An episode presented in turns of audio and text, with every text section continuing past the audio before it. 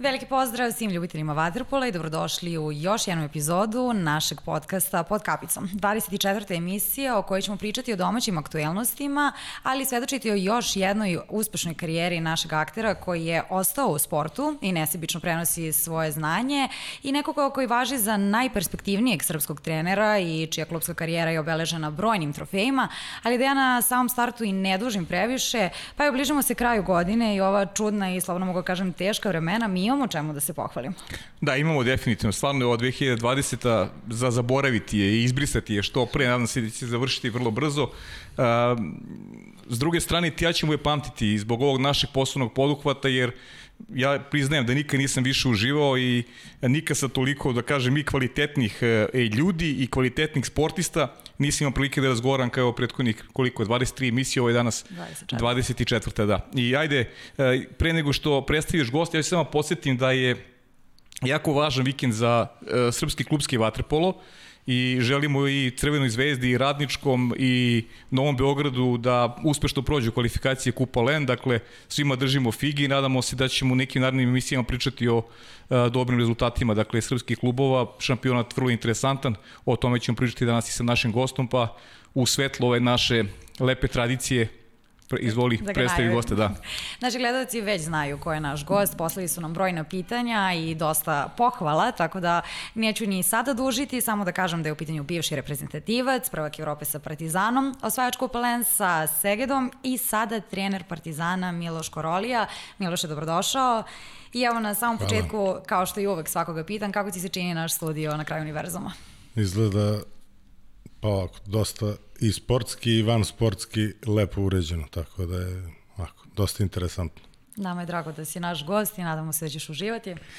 Miloše, da, hvala ti na izvednom vremenu i e, iskoristili smo ovaj moment u kome Partizan nema obaveze, pa da pričamo o mnogim vaterpolo temama, između ostalog i tvojoj karijeri.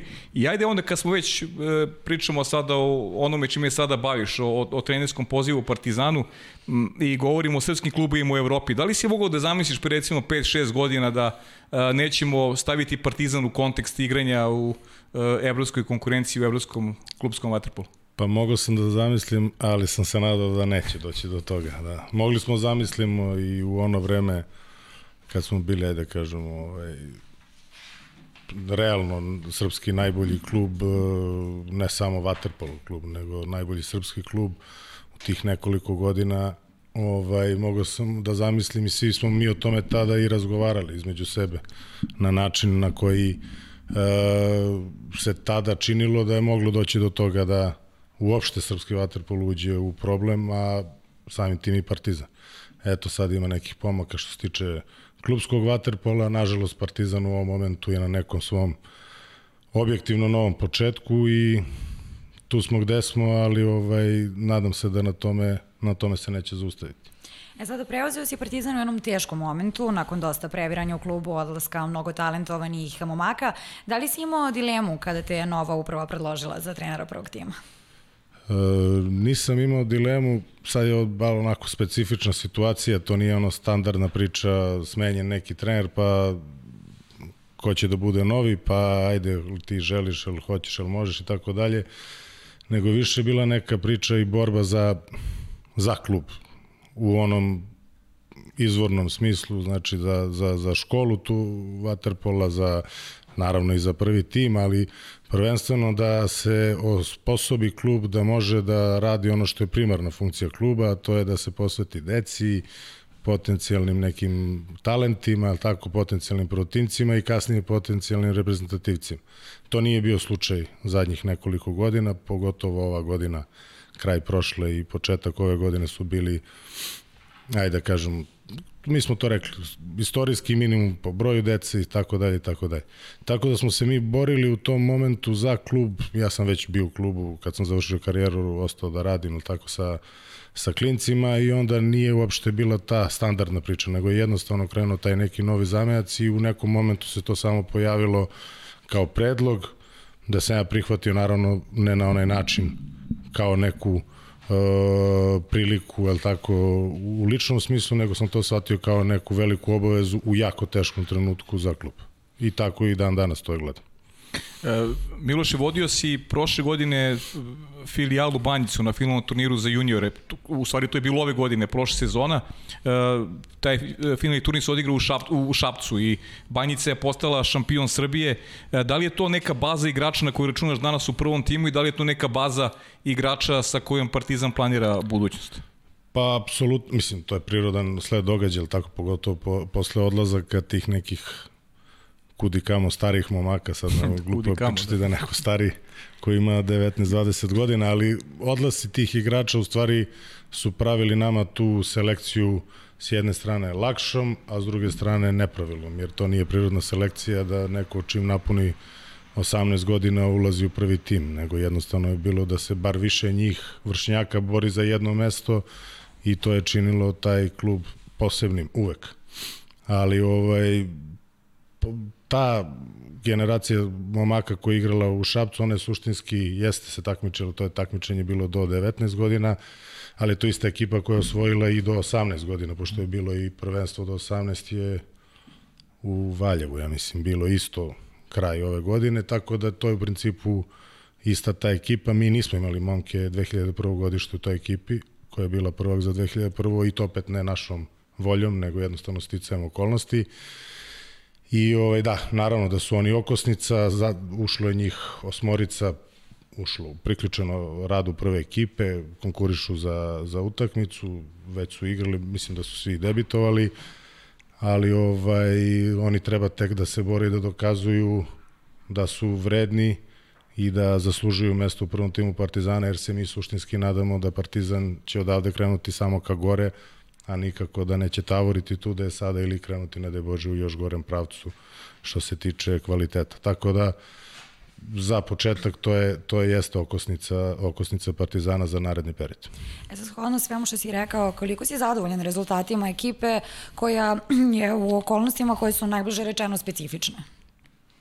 Pa rezultatima kao rezultatima možemo da pričamo možda više o rezultatima rada i njihovom napretku. Rezultatima u smislu takmičenja ne možemo biti zadovoljni ako se mi ovaj, na nekoj utakmici koja bi suštinski trebala da bude recimo derbi, ne pitamo mnogo. A to se i dešavalo sada i to je normalno za mlade igrače, pogotovo kad su mladi igrači sami uh, bez ikog starijeg da im na neki način barem pomogne ti mladi igrači uz neke starije igrače bi sami bili bolji i pružali bi više više u, u, u, u takmičenju i, i na utakmicu. Tako da sa te strane zadovoljan sam pristupom treningu, ajde da kažem, načinom na koji momci shvataju svoje obaveze, s obzirom da su na početku svojih karijera, ali tako da ovaj, nije da oni su došli tu nespremno, oni su prošli kroz te mlađe kategorije Partizana, oni znaju ono što bi trebali da znaju, ali mislim da ima još mnogo toga što treba da uče i to se uči i po samom ulasku u prvi tim. Tako je uvek i bilo, tako je i sada. E, Miloše, šta je, šta je neki cilj Partizana u narodnom periodu? Da li postoji nešto se recimo zove petogodišnji plan ili nešto slično? E, I ima li pomaka onome što si govorio s početka kad je upis recimo nove dece u pitanju u, u, u Vatepolu školu Partizana? E, trenutno što se tiče tog upisa dece nema nekog velikog pomaka, ali mislim da to možemo da ovaj podvedemo pod uh, ovu celu vanrednu situaciju i okolnosti u kojima se nalazimo, gde se uh, ne tako rado roditelji odlučuju da decu povedu na neki sport u ovom momentu. Pogotovo kako oni to zamišljaju, ne možemo da očekujemo. Mi vodimo računa, naravno zbog epidemije, zbog svega, vodimo računa da tu decu što više zaštitimo, koliko je to naravno moguće, nemoguće ih je 100% izolovati i staviti pod staklenu zonu, ali mislim da je to doprinelo da se ne povećava E, bar ne značajno, naravno uvek ima nekih dolazaka dece koje upisuju i počinju da treniraju vaterpolo, ali to nije na onom, ajde da kažemo, željenom nivou, da tako budemo ovaj, precizniji.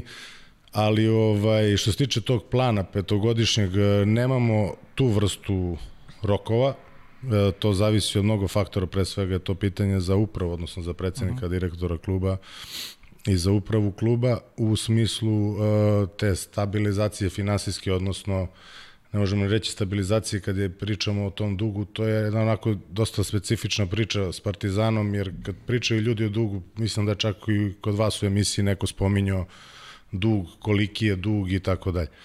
Dug e, je problem i dug je veliki, nije mali.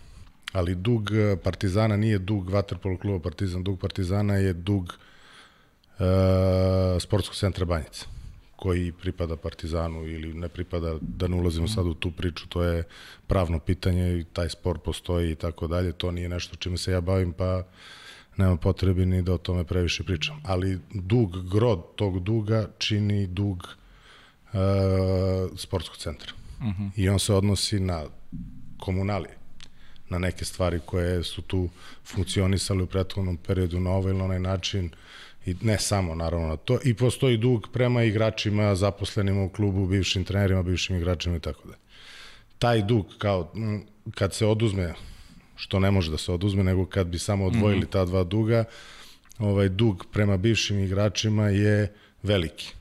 Ali ja stvarno ne znam od nas ko je tužio klub, nema nas puno. Mm -hmm. Ja sad kad bi pokušao se seti, možda bi se setio nekoga ko je tužio klub od bivših igrača Partizana. Tako da je taj dug postoji kao problem, ali nije nije ovaj mač nad glavom Partizana, odnosno nešto što ne može da se reši u nekom budućem periodu, niti je to nešto što bi sputavalo Partizan da se razvija dalje. E, ako bi se rešilo ovo o čemu, o čemu sam pričao sad ovaj, u nekom narodnom periodu, onda bi su mogli da pričamo ozbiljnije na tu temu o nekom petogodišnjem planu. Ono što je sigurno plan, nevezano za to kako se bude odvijelo, da se sad od sad pa nadalje omogući prvo nesmetani rad kluba. Uh mhm. -huh. To znači topla voda, to znači da nema tih problema koje smo imali uh, poslednjih par sezona, gde obavezno u zimskom periodu Partizan ne trenira, ne trenira na banjici. I to je već postalo praktično i svake godine ista priča. I ove godine naravno da se to još produžilo još duže i nije samo zimski period, nego sve do do juna, pa je tek tamo sredinom juna otvoren, za, otvoren zatvoreni bazen. Tako da to je ona neka problematika od koje zavisi praktično eventualni plan. Ja mislim da u okviru toga treba tražiti i eventualno odgovor na to pitanje da li postoji plan. Naravno postoji plan, ali zavisi u kojim okolnostima. Plan je da se zadrže igrači koji pokazuju potencijal da postanu A reprezentativci, naravno da oni u nekom momentu kad dostignu neki kvalitet počinju da dobiju ponude drugih klubova, prvo iz zemlje, pa posle iz inostranstva, iako Partizan kao Partizan kao klub nije u mogućnosti da na neki način parira, nemoguće je pričati o tom nekom planu. Ali sigurno da je ovaj postoje deca u klubu na koji mi ozbiljno računamo i jako mlada deca, da potpuno bez veze da pričamo sad i o godištu te dece, ali pokazuju određeni potencijal i mislim da imamo mislim da imamo dece u klubu dovoljno da možemo da se da se ovaj na pravi način njima posvetimo jer Vaterpolo klub Partizan je ja mislim jedini u Vaterpolu sportskom smislu samo održiv klub ja mislim i na svetu. Jer ako uzmemo tako da gledamo, zato pričamo tom planu da je to sve onako nešto što ne može da se definiše jasno, ali ovo može. Mi kad bi imali sve naše igrače koji su ponekli Partizanu u ovom momentu u klubu da igraju za Partizan, mi bi sigurno bili e, ili prvaci Evrope ili ovaj, u samom vrhu, to je sad pitanje naravno. Mislim da ne postoji način da Partizan kad bi mogao da zadrži svoje igrače da ne bude u vrhu evropskog vatra. Znači više je pitanje za upravu kluba da li je moguće obezbediti uslove da Partizan zadrži svoje igrače kad oni dostignu neki nivo koji je koji je onako visok u, u, u, u, u, nivou, u neovarovskom nivou vaterpola i da onda u odnosu na to možemo da pravimo planove i neke strategije.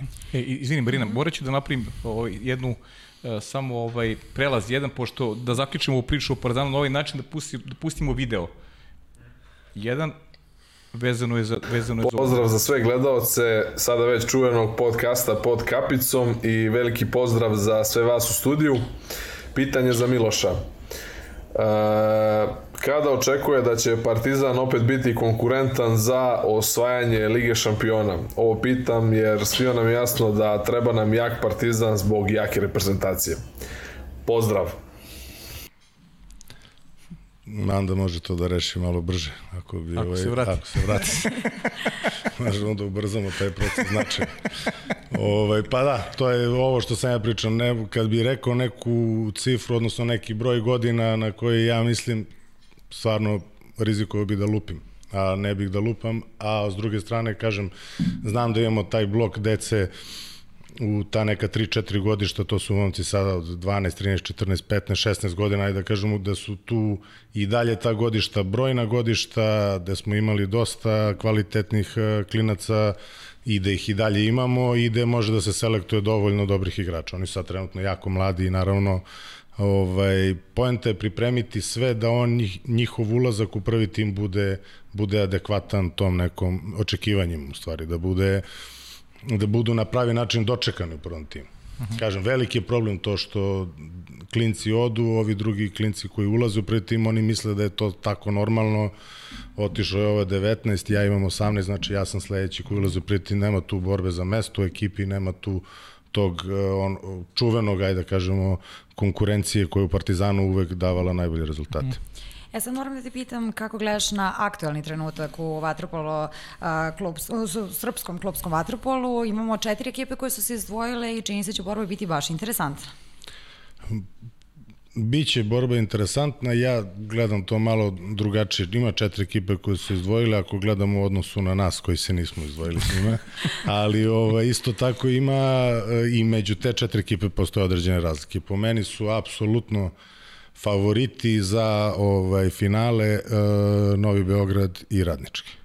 Šabac je odmah iza njih zajedno sa Zvezdom. Tako ja to vidim možda ovaj i Šabac, ajde da kažemo blagu prednost u odnosu na Zvezdu, ali to su stvarno nijanse, tako da to je više za kladionicu nego za, za, za neku sa stručnu analizu. E, što se tiče trenutka u odnosu na prethodno, vreme i period, mislim da je bolji moment ovaj, kažem, to je stice okolnosti i korona i ti igrači naši u inostranim klubovima gde su jednostavno pale cene, E, smanjio se broj klubova koji žele da ulaže, odnosno da rizikuje. Ja mislim da nije problem da oni ne žele da ulažu, nego rizikuju da im neko ukine ta neka sledovanja i da onda ostanu dužni, a mm. to već u Evropi se i ne dešava tako često kao što se dešavalo nekad ranije, to klubovi na sreću više ne rade. Tako da se tu otvorio prostor za naše klubove da vrate neke reprezentativce, neke povremene reprezentativce, neke potencijalne reprezentativce i stvorio se taj, eto, da kažemo, broj četiri kluba koja su ovaj visoko kvaliteta, ne mogu kažem najviše kvaliteta, ali visoko kvaliteta i uživanje je kad ima u svakom kolu bar po jedna utakmica pogledati to na neki način na koji se ranije gledao Waterpolo i tako dalje. Tako da ne, jako, je, jako je dobro to što smo mi eto spremni dočekali taj moment da ti igrači koji ostanu slobodni imaju gde da dođu da igraju, a da ne bude to, evo sad sam završio ovde sticam okolnosti, nego jednostavno da su zadovoljni tu gde su. Miloše, ko te zarazio po znacima navoda teniskim poslom? U kom momentu si poželao da se da se oprobaš u, u, u ovoj ulozi? Pa nije baš to neki moment i trenutak ili nešto tako uh mhm. -huh. slično što bih izdvojio. Mislim da sam kroz uh, celu karijeru, ajde neko sad to ovaj, drugačije to definiš, ali ja sam razmišljao mnogo više o od onoga što je bio moj posao, pa mi je to nekad bio onako, ajde da kažemo, i problem ovaj, gde sam često i od saigrača i od trenera čuo, ajde, dosta najviše filozofiraš, nego misli o svom poslu i radi svoje, pusti druge da rade svoje, ali nekako nisam se nikad, nisam ih nikad poslušao, Tako da sam uvek nekako se trudio da sagledam širu sliku i onda sam u nekom momentu shvatio da je to to šira slika, sport kojim se bavim, sport koji volim, mislim da je to jedini pravi poziv za, za tako nešto. Postojala je neka druga tendencija, da kažem da možda razmislim u nekom drugom zanimanju unutar sporta, međutim to mi je nekako sve bilo više sa strane nego u, u, u, u srcu događaja, ovako kao trener mislim da mislim da sam konstantno unutra. I nekako mi je prelaz sa igračke karijere na trenersku bio najprirodniji. Ni u jednom momentu mi nije zafalilo, ajde da kažem, žara, angažmana svakodnevnog, a bilo koji drugi posao u samom sportu je velika promena odnosu na igračku karijeru. Tako da ovo mi je nekako potpuno leglo. Dao sam ja sebi odstupnicu od jedno godinu dana dok sam još igrao, sam radio sa kadetima, to je 14-15 godina, ujutru trenirao, uveče radio sa njima, da vidim da li je to što sam ja zamislio stvarno mene ispunjava, ali posle mesec dana sam shvatio da me to ispunjava i da je to to, da sam donao pravu odluku. Ja sam mislim da ste malo požurili, mene više zanima kako si se uopšte zarazio vaterpolom, jer e, čula sam da e, nisi od samog starta bio zaljubljen u ovaj sport, nego da su roditelji e, zaslužni za to što si počeo da treniraš uz brata Mihajla. Pa da, ali ne na taj način da treniram ozbiljno profesionalni sa nekim očekivanjima, nego više da to bude jedna svakodnevica, odlazak na trening, da bude nešto što se podrazumeva. Nisam se zarazio odmah, nemam pojma ni kako bi to definisao, ovaj, ni moment kad se to, eto, da kažem, promenilo. U stvari, ja jesam uh, voleo sve što je vezano za sport, ali volim futbal, tako mislim, pričam kao klinac, volim futbal jedno mesec dana, ali ga onda jedno mesec dana stvarno ne volim i onda volim košarku, pa je onda posle toga i zaboravim, pa se uhvatim nekog drugog sporta i tako sam sve sportove, pričamo o, o gledanju sporta i da kažemo nekoj fascinaciji. Onako, kroz to odrastanje na taj način e, brat Mihajlo krenuo na u stvari školu plivanja na 11. aprilu, mislim da je to škola plivanja, da to čak nije ni bila škola vaterpola i ovaj, došli smo do toga da ja naravno kao mlađi, a mala je razlika, tu je godinu dana razlika između nas, stvari nisam hteo da ostanem kući kad odim da bazim, što ne idem ja, tako. Mislim, tako su mi rekli roditelji da je bilo i da je bilo ajde i ti, ali mali si još za bilo koju grupu, ne možeš da pratiš trening, međutim trener je prihvatio da, da dođem ja na bazen i onda sam tako ja plivo levo desno dok oni plivaju šta imaju na treningu, ja sam tu bio u bazenu praktično ovaj, levo smetalo i verujem da sam im smetao puno, ali ovaj, su me trpeli i onda kad je došlo moje vreme da ja krenem u školu plivanja, onda sam krenuo i to mi u tom momentu bilo stvarno jako, jako dosadno. Ja to nisam uopšte doživljavao kao nešto što je meni zabavno, nego idem da plivam. Mislim, to mi nije bilo ovaj, interesantno, međutim kako je se prvi put pojavila lopta, ja sam suštinski zavoleo vaterpol. Ali onda dolazimo do onog drugog dela da je u stvari voleo sam ga mesec dana, pa ga onda mesec dana jako ne volim i to je tako trajalo jako dugo. I onda u nekom momentu, ajde da kažem, sam shvatio da je to ozbiljnije, onda sam se ja ozbiljio na, na, na pravi način, tu sam već bio stari i zreli, pa sam mogu i da donosim neke svoje odluke i na kraju sam se uzbiljio maksimalno, ali to je bio jedan duži proces, da kažem, sporog od odrastanja. ali interesantno to 11. april, ti mnogi ste tamo počeli i, i kumu ostalom isto krenuo sa, sa plivanjem, pa tek kasnije se prebacio na vaterpolo. Ne znam da li on je 11. april, Ili možda on, on nije mogo da zakrče 11. april, Aha. on je mlađi, jer ja sam otiš, mi smo otišli u stvari, mi smo živjeli u Zemunu, 11. april je bio tu praktično Aha. jako blizu samo od autoputa i tu smo, ali Uh, mi smo praktično sa 11. aprila otišli na banjicu zato što je 11. april prestao da radi. Da, da. To je bio, to je bio razlog. Ali smo se mi već tad uhvatili lopte, ja mislim, i vaterpola, već smo tad hteli da, uh -huh. da igramo vaterpolo i brat i ja, tako da je onda logično bilo partizan, jer je i stvarno, mislim da se toga i sećam, ako je to nije prvi, onda je među prvim trenizima odlazak na banjicu je mene bilo, pa ovo je nešto potpuno drugačije, ovo nije to, to je bilo jako puno dece, jako puno trenera, E, lopta u velikom terenu, lopta iza gola, klinci u malom bazenu, sve je tako delovalo haotično jer ih jako puno ljudi na bazenu, ali naravno da je to u nekom savršenom redu funkcionisalo i to je potpuno neka druga dimenzija i to mi je možda jedna od prvih fascinacija vaterpolom, da kažem, osim to kad se pojavila lopta, to je druga fascinacija, je odlazak u partizan. Uh mhm. -huh. E sad, kako je svoje perspektive bilo uskladiti obaveze na, u školi, u klubu, a naravno pronaći vremena iz izlaske za druženje? E, pa usklađivo se, kako sam stigao. Ovaj, šalim se, ja sam, što se tiče škole, to nije bio problem, pogotovo naravno osnovna škola, tu nema problema. Bio sam odličan đak, isto kao i, i, i plivanje, naravno da niko ne voli da uči, svako voli da dobije peticu, ali niko ne voli da uči, svako voli da igra vaterpolo, niko ne voli da pliva, to je normalno. Ali ovaj, do srednje škole, a srednja škola ja sam druga ili treća generacija koja je već bila postojala ova sportska gimnazija. I onda smo mi bili onako dosta, za razliku od prethodnih generacija, povlašćeni u tom smislu da smo nekako institucionalizovani ovaj, da možemo da propuštamo a, neke te jutarnje časove, odnosno nismo ih propuštali, nego jednostavno škola počinjala kasnije. Tako da je to bilo usklađeno. I to je taj neki period kad sam ja suštinski shvatio. S jedne strane možda je to bila i pogrešna odluka sportska gimnazija, ali to je neka druga tema, ali zato što je bilo na začetku još to nije bilo na nivou na nivou na kom je trebalo da bude siguran sam posle toga ovaj sam već želeo da pređem na vanredno školovanje tu mi roditelji to nisu dozvolili i to je dobro mislim da bi samo sebi otežao stvara ne olakšao i ovaj tako da u tom periodu stvarno nisam imao problema da uskladim, ali naravno trpela već tu škola jer sam se odlučio za vaterpolo kao prioritet. Ne da je trpela u smislu da sam ja sad ovaj, jako slabe ocene imao, ja sam pisao pravni fakultet i na budžet, ja sam, ajde da kažem, ispunio taj neki svoj minimum da mogu sebi da ostavim otvorena vrata i na jednu i na drugu stranu, ali ovaj, već vrlo brzo po upisivanju fakulteta sam bio svestan da teško će to ići, pogotovo pravni fakultet, pogotovo te obaveze, da kažemo, potrebno vreme da se uči i da se studira na pravi način i jednostavno samo ovaj, se okrenuo vaterpolu, pravni fakultet, nažalost, nikad nisam završio, tako Ali da... ako se ne varam, završio si management u sportu, ili tako? Yes, da. management u sportu, to što je opet nama mnogo ovaj, prijemčivije. Mnogo nam je, ajde da kažemo, i izlaze u susret profesori, mi nismo bili prisutni na predavanjima ili ako jesmo, to je bilo jako redko.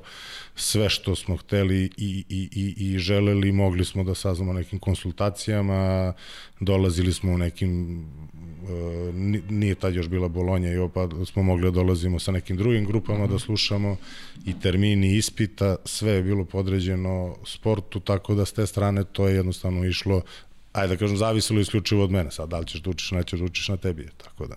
-huh. Miloše, kako se definisala ta... E, gledamo evo da gledamo, da. aj može da nam pojasniš, da nam pojasniš ovu, ovu sliku konkretno. Ovo je slika, ne znam koliko godina imamo, vidim da smo mali, to jest ja nisam toliko mali, drugi su mali. Ali ovaj, smo mladi, 14-15 godina, ja bih rekao. A to je šta? To je... To je ekipa Partizana 81. i 82. godište. I, ali možda nam, da nam izdvojiš neki... Trener je tamo, ne znam kako na ovoj slici sečeno pola. trener je Krcko Marić i trener je Nebojša Mitrić, sadašnji koordinator za rad sa mlađim selekcijama u, u, u, u Partizanu. Ima tu sad, ne znam da li prepoznajete Vanju, Živka, teško. teško sad, da. Vanja ovaj u plave jakni. Čekaj da, čekaj da, mora stavim na očare, ne vredi. A, va, aha, Vanju, da, da, Vanju u plavo jakni, da. Vanja u plavo jakni. A mogu ti, čekaj, Žileta ne mogu da prepoznam, morati. Žile je...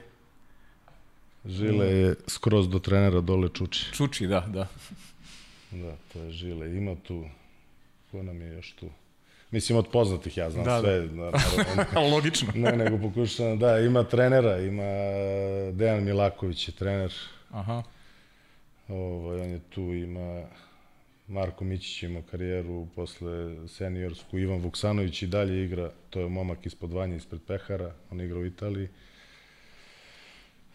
Mislim da ima još neko. Ali da, Kozomara, trener iz Kragujevca. Da, ta da. generacija, on je, mislim, trener iz Kragujevca, trener, trener, trener u Kragujevcu. U Kragujevcu, da, da. ali momak iz Partizana, tako da ima još tu momaka, ali kažem koga, koga bi ovaj, mogli da znaju ljudi. Iz Waterpola sigurno znaju. Da, sjajno. Lepa slika. E, pričali sam o toj centarskoj poziciji. Kako su ona definisala? Je se definisala fizičkim predispozicijama i ko je, ko je odlučio da Miloš Korolije bude centar? E, treneri u više navrata. Bio sam pa nisam, bio sam pa nisam. Mislim da su se dvoumili Dvoumili su se da li mogu da budem ovaj, i nešto drugo. Mislim da se nisu dvoumili da li da budem centar, nego da li da budem i nešto drugo osim toga. I pogotovo ta blizina, naravno fizička predispozicije, ajde da kažemo visina, taj neki potencijal za fizički razvoj, mislim u gabaritu. I mhm. to sve je uticalo na trenere i naravno i dan danas utiče jer to je ta specifična pozicija koja osim u redkim slučajevima zahteva stvarno i veliku snagu i izdržljivost, ali ovaj, i neke druge kvalitete koje se, koji se vremenom uočavaju. Brat je stariji godinu dana od mene, isto trenira, isto pokazuje određeni potencijal, isto nije ovaj nije baš mrvica i onda je bilo ko je centar, ko je, jer opet s druge strane da baš nas dvojica budemo bojica centri, tako dva spojena godišta, mi to zovemo spojena mm -hmm. godišta, da imaju ovaj, tu jedan drugom da budu konkurencija, nije to čak ni, ni prirodno. Ovaj, tako da sam ja bio centar, pa sam bio bek, pa centar, pa bek i negde sa 16 godina Nena Manojlović je prelomio definitivno. Po meni sa sadašnjom pameću i iskustvom ispravno prelomio da sam ja centar, a da je brat bek, mada je njemu to nikad više, to je deficitarna pozicija, on je do kraja karijere ovaj, povremeno igrao centra po potrebi. Tako mhm. -huh. da to je neka vrsta kvaliteta, u stvari treba obojca budemo zahvalni za to što smo jedno i drugo igrali jer nam je otvaralo i neke druge mogućnosti u igri koje možda neki centri nemaju. Uh -huh. Pa se začude nekad e, ljudi koji me nisu dobro poznavali tako dalje, znaju me kao centra, nekad su se čudili ne, ovaj, nekim, ajde da kažemo, sol, solidnoj tehnici ili nekim uh mhm. -huh. mogućnostima, a u stvari to je zato što sam igrao, igrao i beka i uh -huh. vanjske pozicije kao mlađi. E sad baš kad to spomenješ, u kojoj meri se razlikuju treninzi centara u odnosno recimo bekove i šta ti to posebno radi da bi bio uspešan na svojoj poziciji? U mlađim uzrastima se ne razlikuju. U mlađim uzrastima gro treninga se provede, da kažem, u toj nekoj osnovnoj obuci koja suštinski ne razlikuje, ne razlikuje ovaj pozicije. Tek kasnije, kod neke kasnije ovaj, specializacije baš za tu poziciju, počinju ovaj, treneri da koriste neke konkretne vežbe za centre. Pa su to neki položaj tela u vodi koji su jednostavno drugačiji. Mi dosta i vaterpolo se tad menja, da, to je isto bitna, bitna stavka. Vaterpolo je pre, e, dok sam ja bio klinac i pre toga bio drugačiji mnogo. To je baš bio neki moment kad je vaterpolo postao e, više, više rvački sport nego što je bio do tada.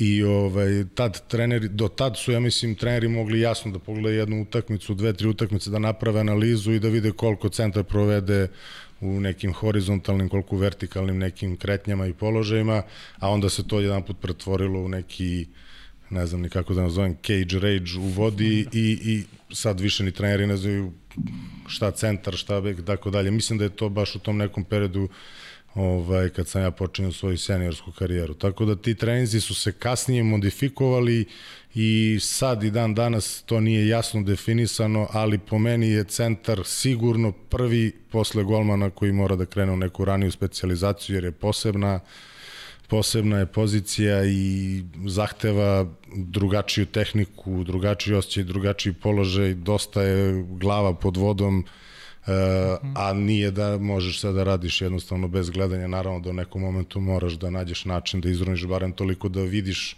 ko ti je dodao loptu, ako ne vidiš kad ti je dodal, bar da vidiš odakle dolazi.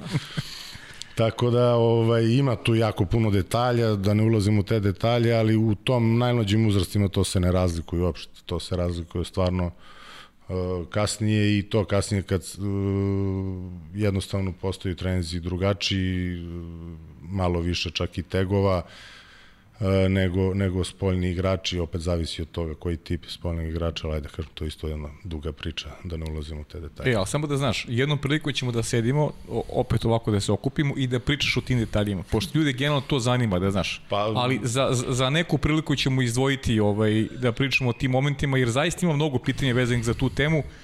Rekao sam da ćemo praviti te neke, da kažem, ajde, specializovane uh, podcaste koji će se malo baviti, e, pogotovo ti sad baviš trenerskim poslom, pa da više pojasniš šta je obaveza može, bekova Može centara. i debata da bude. Može, može i debata da bude, da može da bude i debata.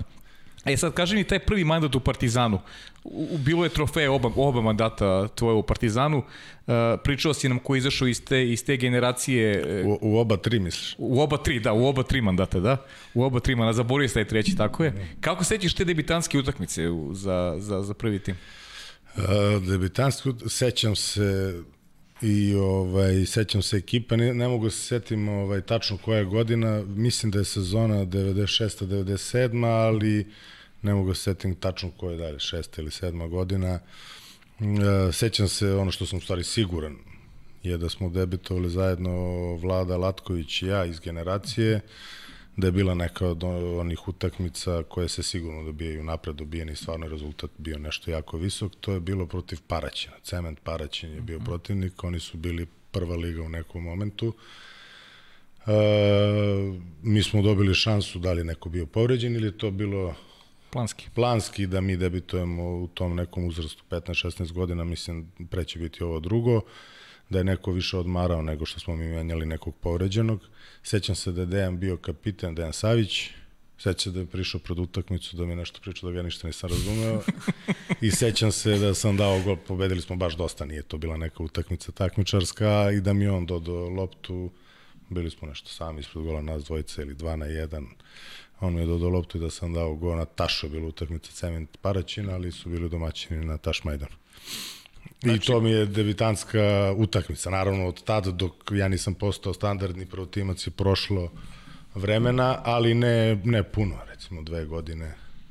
Za dve godine posle toga sam postao, postao protimac. Evo ti imam nekom periodu koji ti je trofej bio najdraži? Pa prvi taj seniorski sa, sa, sa Partizanom. Prvi seniorski sa Partizanom osvojili smo to je Partizanova poslednja titula u, u Srbiji, Crnogorstvari, to je SRJ još uvek Jugoslavija bila. Ovaj, mislim da je to odmah posle posle Beče, ja mislim da je to prva sezona, pošto je Bečej, još je postojao Bečej, ali u onim nekim problemima svojim, ne mogu sad tačno da se setim kako je to išlo, ali znam da nisu bili ni blizu one ekipe koja je godin dana pre toga osvojila kup šampiona. Isto smo mi tad igrali finale kad su oni bili prvaci, mi smo igrali s njima finale i znam da to bilo isto finale koje se igra, ali se ne pobeđuje sigurno. I onda godinu dana kasnije smo mi ostali kao neki blagi favoriti uz Jadran, Zvezdu, Primorac, ko se bori za titulu. I bila onako jedna stvarno speci, specifična utakmica, sećam se smo pobedili Jadran na Banjici 7-0 i zato mi je to pogotovo još onako drago. To je bila prva utakmica, titulu smo osvojili u Herceg Novom, tom dru, pobedom u drugoj utakmici finala, ali sigurno najdraža jer je prva seniorska i nekako potpuno druga dimenzija u odnosu na ove juniorske trofeje i kojih je bilo stvarno puno u Partizanu uvek, ali nekako potpuno druga, druga dimenzija. E, sad sledi prvi odlazak u inostranstvo, ideš u Seged, imao si dve vrlo uspešne godine, u, u, između ostalog osvojio si i prvi međunarodni trofej e, Kuplen. Uh, jest, to je posle Final Fora u Milanu, bili smo tamo uh, treći. Uh, bilo je jasno da su Partizanu dešavaju pozitivne stvari, bilo je sve to na neki način jasno, međutim meni je ovaj, bila ta ponuda od Segedina, ja mislim da je jednu godinu i po dana ona stajala tako i u kontinuitetu i jednostavno bilo je stvarno finansijski u tom momentu jako uh, jako primamljiva. I ja sam uh, u tom momentu prvo se Nećko razmišljao, Segedin nije bio toliko dobar klub u tom momentu i nije me to privlačilo. Međutim, posle tog uh, Final Fora ja praktično sam oboj razgovor s upravom video da te ponude finansijske nisu ni blizu ukoliko bih ostao u Partizanu i shvatio sam da je to to posle godinu i po dana sam shvatio da u stvari možda takve prilike, da kažemo, ovaj, u profesionalnoj karijeri neće uvek tako da stoji da čekaju. I onda sam se odlučio za odlazak tamo i ovaj, u tom momentu prvom kad sam otišao stvarno nisam znao da nije tad bilo Srba u Mađarskoj ligi. -huh. Ja sam znao mađarske igrače i, i igrali smo mi te evropske utakmice protiv njih i ovaj, te juniorske uh, juniorske, do tad sam već bio i reprezentativac, pa sam to sve već i imao iskustva, ali nije bilo stranaca u, u, u Mađarskoj ligi. Iako ih je bilo, nisu bili nisu bili ovaj visoko kvaliteta. I u tom momentu kad sam došao, prvo mi je bilo malo šok, s obzirom da su to Mađari, da sam očekivao stvarno nešto ovaj, na mnogo višem nivou, ali sam se posle naviku i shvatio sam u stvari odakle oni crpe snagu, da to nije ono što, što sam ja mislio, nego nešto sasvim drugo, ali ovaj, to je vremenom se iskristalisalo i posle mi je bilo jako lepo tamo i na kraju i uspešno, polovično uspešno, zato što mislim da smo te druge sezone mogli sigurno više u ligi nego što smo napravili, ali to je neki sticaj okolnosti, ali smo bar eto taj Len Kup osvojili koji jeste onako i tad mi je bilo jako lepo i drago što smo to osvojili, nije nas niko ni vidio, mislim da smo se nekako ovaj, iza Ćoška pojavili i osvojili taj, taj trofej te godine. Sam Miloš, mogu bi malo da nas podsjetiš na tu ekipu i ono što mene uvek zanima kako je izgledao život tamo, kako je izgledao život na Tisi, šta ti je ostalo pečatljivo? Ostalo mi pečatljivo da za sat i 15 mogu da stignem u Beograd svaku subotu posle utakmice i gde god da je ovaj društvo, da eto mene samo da, da se dovezem. Nisam, pogotovo prve godine, nisam nešto uh, previše, da kažem, grad kao grad upoznao i nema tu mnogo šta se upozna. E, mali je to grad u odnosu na Beograd ili i taj način života tamo je takav da jednostavno u tom momentu meni nije bio pretarano interesantan. Sigurno da uvek bih rađe došao u Beograd kad bih imao razmišljanje da li da idem u Beograd večeras posle utakmice ili ne, se završavalo rok od 5 sekundi Ovaj, osim kad bi baš bio umoran i recimo odlučio da ipak ostanem. Druge godine sam već shvatio da to nema smisla, da je nemoguće voziti se svaki vikend toliko tamo nazad. Ne nemoguće, nego bespotrebno. I onda sam malo više živeo tamo ovaj, sa, sa, sa, sa, sa ljudima koji su već uh, u tom gradu bili. Proveli smo dosta vremena družeći se sa uh, sa drugim sportistima, pogotovo sa rukometašima Pik Seged je tad imao recimo 7-8 igrača iz Srbije i Crne Gore, Slovenije i tako dalje, pa smo se družili, ne sada da sam ja nešto bio s njima u njihovom tom krugu ljudi sve prisutan, ali povremeno to viđanje i druženje i familijarno, ja i ovako, mislim da nam je to ovaj, onda sam shvatio da može i tako tamo da se bude, da ne mora baš svaki vikend u Beograd. E, onda... Ipak je došao Beograd. Došao ipak Beograd. 2009. godine povratak u Partizan i ne znam kako ti gledaš na to, možda i tvoj najbolji potis kada pričamo o klubskoj karijeri vezano za, za, za taj zaista sjajan period u Partizanu. Pa jeste, kažem, već je tad bilo jasno kad sam odlazio, ja sam potpisao na tri godine, ja sam praktično tamo i uh mhm. -huh. raskidao ugovor da bi se vratio u Partizan, tako da sam znao da treba da se vratim. Uh, Partizan u tom momentu 2007. smo otišli na prvi Final Four, jako mlada ekipa, jako smo dobro igrali. Ta sezona u Partizanu 2007. je posebno interesantna. Ja volim da je naglasim pogotovo zbog dolaska Andrije Pralinovića koji je tada 2007. došao u Partizan, koji mislim da je jako uticao puno što na momke koji su njegovi vršnjaci s kojima on i dan danas igra u reprezentaciji i što na nas starije nije nas bilo puno tu starijih u toj ekipi, ali Utico je doneo nešto novo u tu ekipu i to se stvarno odmah, odmah odrazilo na rezultate. I dve godine se Partizan praktično pojačavao. Zadržavao istu ekipu, koji su sve momci koji su bili jako mladi, pa svake godine stariji, znači samim tim i za godinu dana iskusniji i bolji, ali se namestilo tako da nisu otišli na Final Four ni, ni 2008. ni 2009 i tad 2009. ovaj, e, u tom momentu kad me je zvao Igor, Igor je postao trener, pitao da li, da li bi se vratio, mislim da isto tako nisam razmišljao, jer je Partizan bio u tom momentu stvarno u uzlaznoj liniji. A sad, aha, izvini. Ne, to je u principu, ajde da kažem, ukratko rezime kako je do mhm. toga, uh mhm. -huh. da to, do toga došlo, ali nema tu mnogo šta da se priča, osim da je to meni nekako uvek prirodno, ako je klub tvoj matični na nekom visokom nivou i ne razilaze se tvoje lične ambicije sa ambicijama kluba, mislim da svaki igrač to treba da uradi u takvoj situaciji. E, za tri godine za redom ste osvajali duplu kronu u Srbiji. Negde se ti godine i kalila uh, ono što danas zovemo najtrofejnijom generacijom kada je reprezentacija u pitanju. Uh, pa da, mislim sad kad bi ja pričao malo o reprezentaciji, to bi ja kako zlopotrebi nešto što ja znam lično, a ne, ne direktno nego indirektno. Tako da ne bi pričao o tome, sigurno da se to odrazilo na njihove rezultate u reprezentaciji, ali ja znam kako se pravila ta ekipa u Partizanu i to je taj jedan moment, u stvari koji je mnogo ranije pre toga, kad je opet nekim sticajem okolnosti tu neka generacija Partizana, ova koja je sad malo pre bila na slici, svako na svoju stranu otišao, ovaj, tu, tu je nas, nasle, usledila ta smena generacije da su ušli momci od 16-17 godina, Filip, Filipović imao 16, ja mislim tada, uh, da još ne nabrajem sad, Mića Aleksić, znači imao isto 17, bilo je tu još igrača, nego kažem da ne idem redom i da ne nabrajam, oni su tada počeli da igraju, to je 2003. četvrta, a 2007. nam je taj prvi Final Four.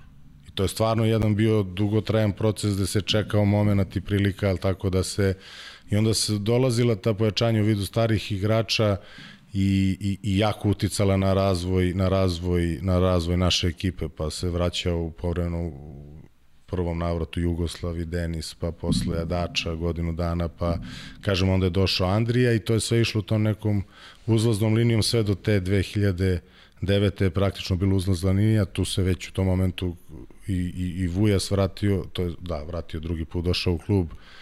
I Živko je bio u klubu i tako da je, tako da je to stvarno bilo na neki način gro reprezentacije bio tu, plus, plus ti neki, da kažem, stari igrači koji su tu mogli da doprinesu, ne samo svojim velikim kvalitetom, nego i u razvoju tih igrača koji su kasnije, to ispostavit se postali najtrofejnija generacija naša reprezentativna u istoriji i mislim da je to nešto povezani su ti procesi razvoj tog partizana sa, uh -huh. sa razvojem reprezentacije samo što je tu razmak od jedno 4-5 godina jer je tako, tako prirodno i logično.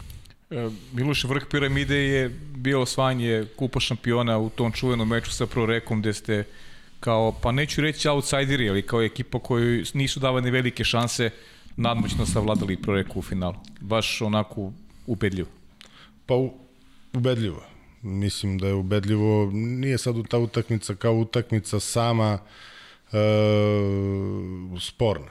Mislim uh -huh. da mhm. to i sad kad čovjek pogleda snimak Uh, mislim da će da vidi isto što je video onaj ko je gledao utakmicu tada. Video jednu ekipu koja stvarno igra jako dobro i da je pitanje momenta kad će prelomiti ovu drugu. Tako, tako je tekla utakmica, tako je izgledala. A to sad onako kad se izgovori deluje malo arogantno jer pričamo o Reku koji je u tom momentu imao na svakoj poziciji po dva najbolje igrača na svetu da budu sigurni da su najjači.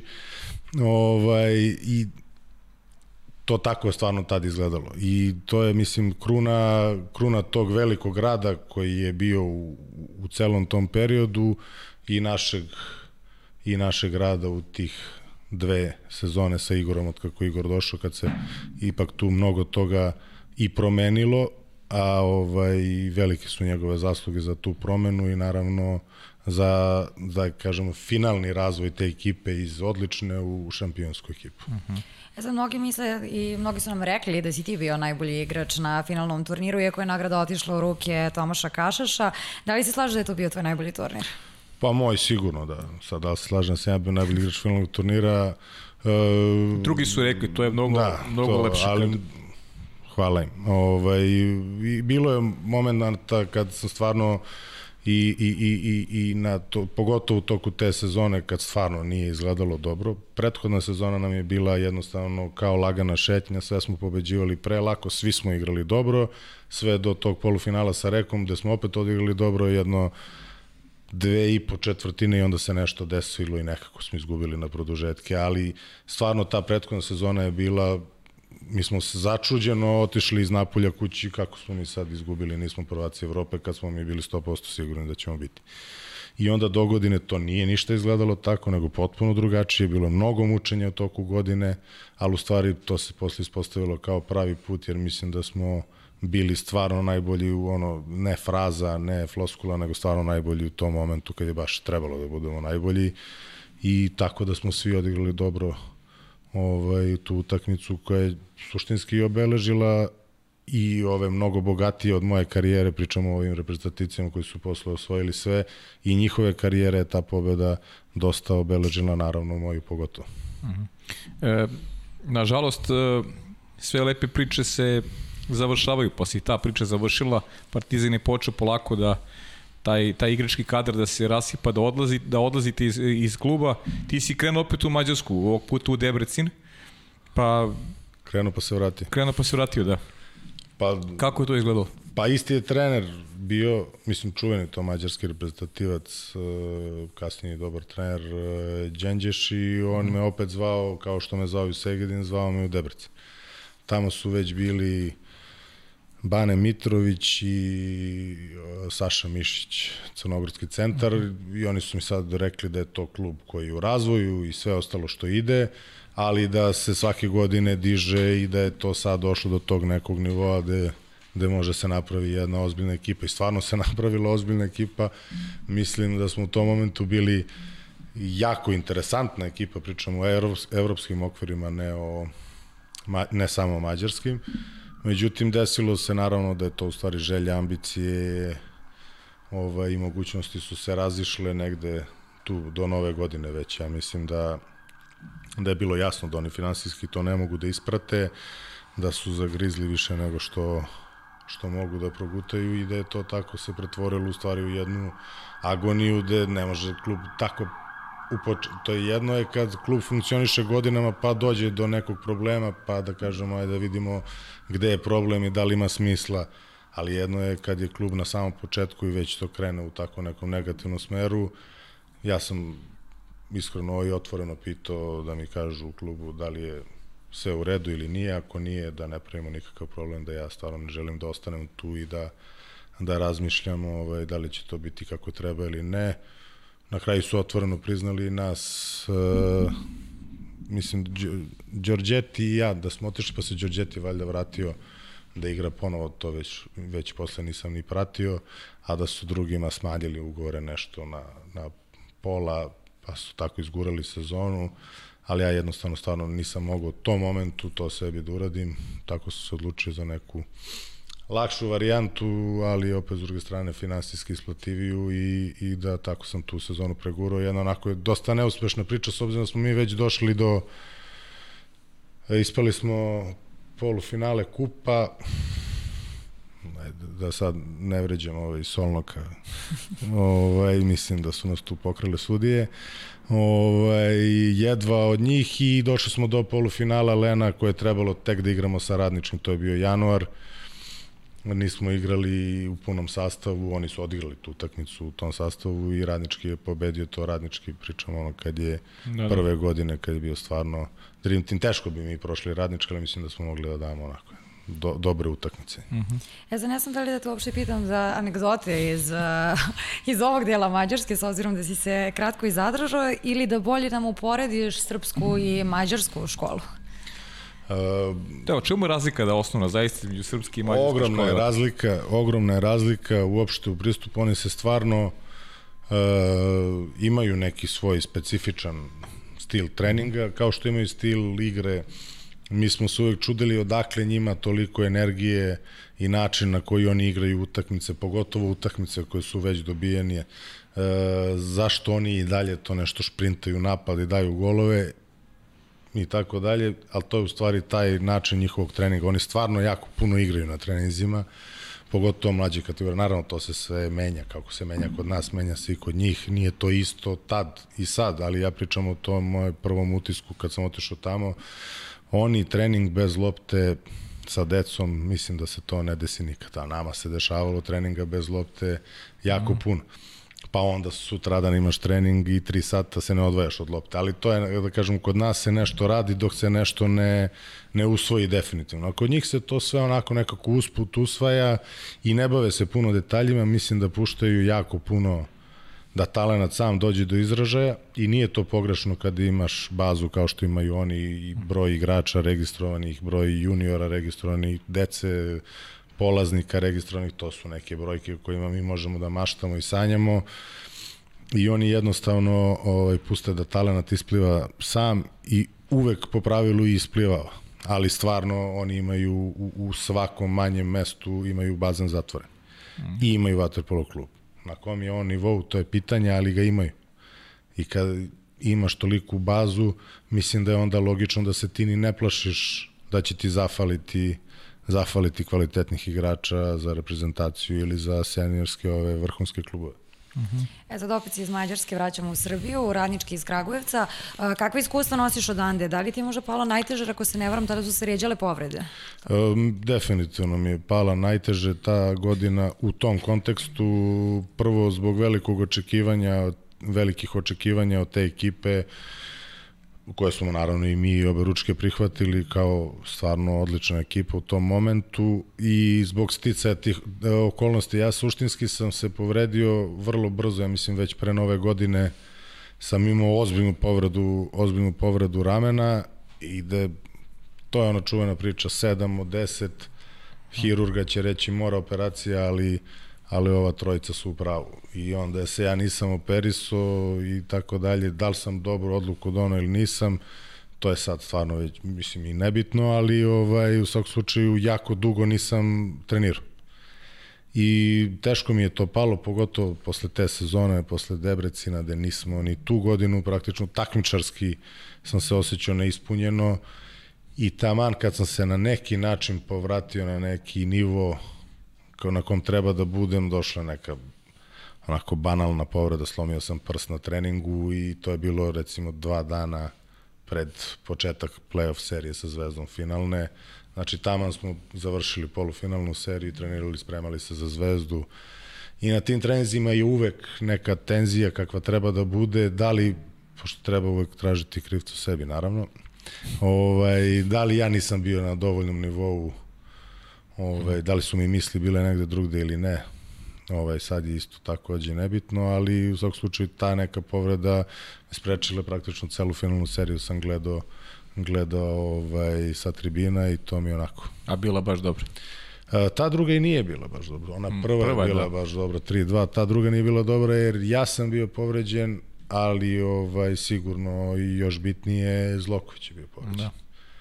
Oba centra. I to je bio veliki problem i nismo ga nadomestili taj problem nedostatak nismo uspeli da nadomestimo. Bilo je tu razni bilo je dobrih momenata ali nedovoljno da se pobedi Zvezda koja je bila kompletna stvarno na svim pozicijama i već u tom momentu i iskusna i uigrana ekipa al tako? Tako da nije na kraju ni, ni nije se postavilo pitanje ko će osvojiti. Dobro da u svakom slučaju Nije bilo trofeja, ali si se otisnuo dalje. Nije bilo trofeja, bilo je to finale Lige šampiona, kažemo, da. To i velika žal i pored svega toga mislim da bismo tu godinu iščupali sa tim trofejom. E, isto nam je jako teško pao taj poraz u finalu od Barcelonete, to su od onih utakmica kad veruješ da si bolji. Dobro i počelo, ako se ja dobro sećam. Pa da, ali baš samo počelo, baš da. možda prva četvrtina ovaj, već druga je ukazivala na problem, problem u napadu koji nismo mogli da rešimo. Barcelona je igrala stvarno sjajno i mislim da je na kraju zasluženo i pobedila bez obzira na taj naš osjećaj uh -huh. da smo mi morali i, i da smo trebali, ali izgleda da su trebali oni. Da. A Oradea? Oradea je bilo odlično iskustvo većim delom, stvarno većim delom odlično iskustvo, čudno, naravno mi nismo navikli, mislim, u Rumuniji tu, je, tu mi je bio tek šok, način treninga i tako dalje. To je trener koji je sada trener Orade ponovo. E, jako puno treninga, monotonih, teških, napornih, iscrpljujućih i to traje tako zauvek i zauvek i tamo misliš evo sad će utakmici to će sve da se promeni, to se nikad ne promeni i to uvek ostane tako i ovaj, stvari da budem precizni i iskreni, mislim da postoji ta jasna razlika šta nas razdvaja od Rumuna i od njihovog pristupa Waterpolu bez pocenjivanja, stvarno ima odličnih igrača i tako dalje i koji su igrali po nostranstvu, ali mislim da ovaj, mi to radimo mnogo bolje, što je naravno očigledno. Ja, Gojko nam je baš pričao da grad baš i voli svoj vaterpolo klub.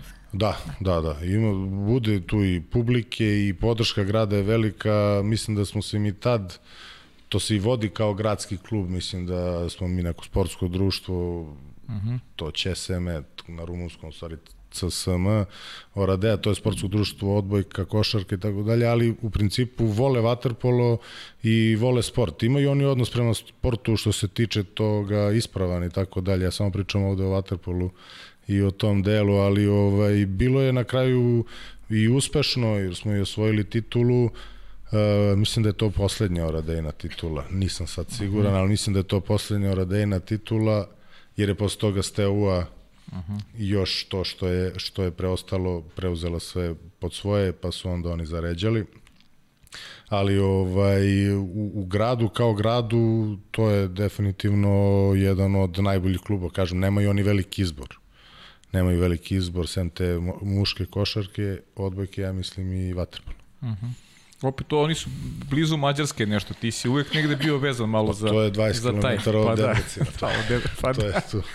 To je tu. Da, seća se da mi neka... Ra... Ne. Da, znam da je najteže, to nam je... Pa naučio, zato mu je kum naučio. Znaš da, Da. je pričao. E, pa Miće, da, Miće je- je pričao ovde nama i ži, dobro, žile, I Žile, žile je da. već. Ne, ne, nije to ista kategorija. Nije, da. nije to ista kategorija. Žile stvarno priča mađarski, Mića priča, ali to nije Žile naučio jako brzo i jako, jako dobro. Da. Ali su oni ovaj, stvarno bili dugo tamo i tako da. Ja u tom prvom momentu, ja stvarno kad sam otišao u Segedin, ja sam bio u momentu što sam potpisao na tri godine kad ja ne želim da budem ovde sad tri godine. Posle druge godine sam shvatio da bi možda i to moglo, međutim, eto, desilo se to s Partizanom, tako da sve sam bio negde na pola, a jako je teško. I nije da ga ja nisam sad nešto razumeo učio, ja sam malo učio i razumeo, ali to nije dovoljno da bi uopšte mogli da pričamo o tome da mi je nešto ostalo ili da bih ja mogao da pričam mađarski, daleko sam od toga. E, ali zato takav Kjara, idemo sada u Italiju. Znaš koliko smo ovde slušali, Marina to pogotovo voli, da, Da, ja sam sluša te ovde priče. zadužena. Da, o, o životu u, u Van nekim granica gradima. Srbije. Tako je, a Napulj, u Napulju smo se Napolj, naslušali. Specifično, da. Da, više priče smo se naslušali u Napolju. Interesantno koliko vas je igralo u Napolju. E, Pa, Napolj je vaterpolo grad. Jeste. I, i Kanotier je veliki klub, Da. kažem u tim okorima po Silipo. Naravno, Aqua Chiara manje, ali Aqua Chiara je uh, u tih nekoliko godina ovaj, pokazivala je, da kažem, tu neku tendenciju da će to sve da bude na, na višem nivou. Mislim da su na kraju oni to i shvatili da je to ovaj, mnogo, mnogo skuplje nego što su oni hteli i da su od toga digli ruke, ali da, bilo je, bila je isto interesantna ekipa, daleko je to bilo od nekog e, u, u kvalitetu nije bilo uopšte toliko loše, sećam se, imali smo i dobre utakmice sa ovim velikim favoritima i Brešom i Rekom, nismo mi baš to nešto gubili previše. Bilo je tu italijanskih reprezentativaca, solidnih italijanskih igrača, bivših uh, reprezentativaca, bivših igrača po koji su nekad, ajde da kažem, imali neku veću ulogu po Silipu i tako se sastavila jedna ekipa koja je suštinski na kraju ovaj, odigrala praktično ono što i jeste neki naš nivo, to je neka sredina tabele odmah iza ovih najkvalitetnijih. A život tamo? A život, e, nema šta, ako ste slušali, čuli ste sve.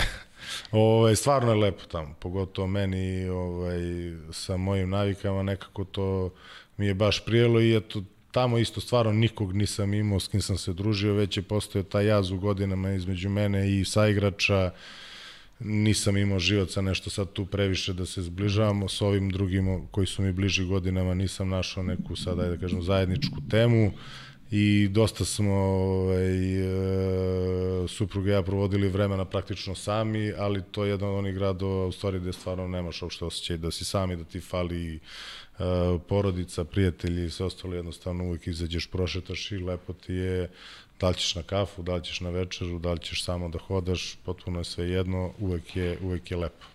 Jel ti žao što nisi ostao duže u Italiji? E, žao mi što nisam otišao ranije, tad mi nije bilo žao, nije mi se ostajalo duže, tad sam već imao godina kad ni- nisam mm. želeo da igram taj nivo vaterpola, ali mi je žao što nisam otišao ranije možda taj Segedin kad je bio taj prvi odlazak i italijanska liga je bila jača i mogao sam da odem u neki loši klub možda koji bi me posle kasnije ovaj, e, preporučio da kažem igrama u tom nekom klubu za neki bolji, ali ja to tad na taj način nisam gledao i to mi je možda žao što nisam duže, duže ovaj, jer je ipak Italija vaterpolo zemlja i ovaj, a ja sam igrao vaterpola, proveo sam Italiji samo godinu dana, a je, realno je to s razlogom kažu Dolce Vita, nije to bez razloga. Da. E, Turska. 2016. 2018. Galatasaray i Turski, Turci generalno ulaže, do, do, ulažu, dovode dobre strance. U, ulagali su. Ulagali su, da, dobro, ulagali su. Dovodili su kvalitetne strance, njihov neki repestivni vaterpolo, to je neki osrednji nivo, ali kako si ti doživeo taj period u, pa, u Istanbulu? Dobro, ja pogotovo za mene to nije nešto sad, mislim, po, pošto mi je brat Turčin, to je pod jedan. Ovaj, pošto je on dugo u Galatasaraju uh -huh. i mislim da ukupno 9 ili 10 godina igrao u Galatasaraju i ovaj da uzo stvarno sad Bešale uzo pasoš da. i igrao je u novom evropskom da, da, da, igrao za Turki i tako dalje. I onda ja nisam tamo odlazio kao sad idem neki galacari naši igrači svi koji su bili tamo i crnogorci. Tako da ovaj to je ovaj klub koji je stvarno ozbiljno radio godina sa našim trenerima što za prvi tim, što za mlađe kategorije, oni su stvarno u jednom momentu imali jako kvalitetne e, igrače u podmatku i oni su praktično ubacivali te igrače pri prvom timu i kako su oni stasavali, tako, su, tako je klub kao klub postao ozbiljni.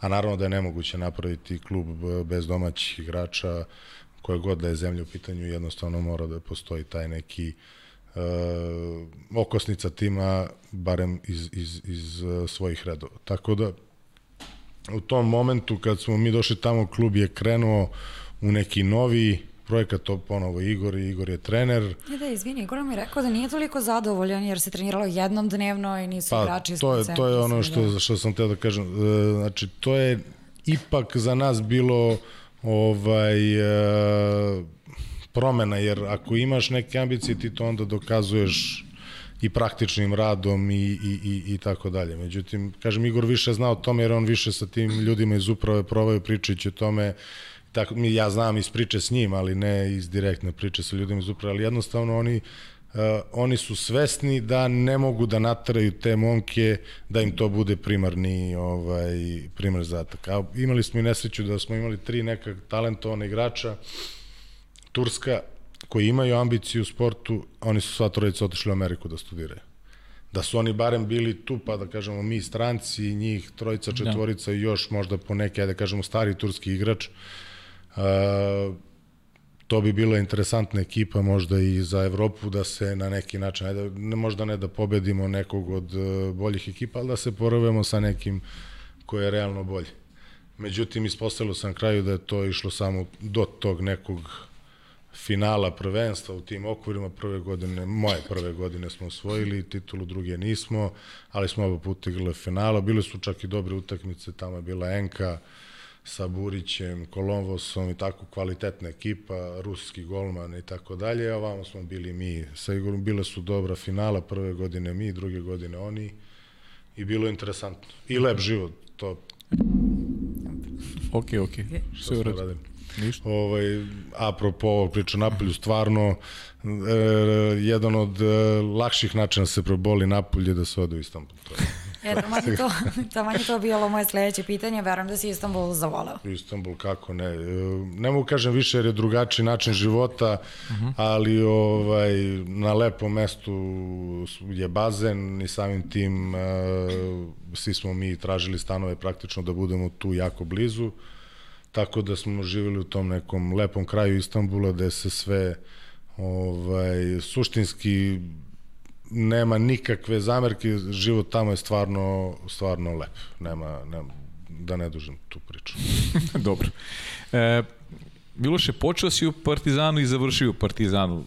To je taj onaj, kako smo rekli na početku, treći mandat u stvari. Treći, ne. da. Da, treći mandat. Pa, mada, da. mada koliko se ja sećam, bilo i drugih ponuda u to vreme, ali ti si želeo da, da završiš karijeru na banjici. Ako se ja sećam. Bilo je.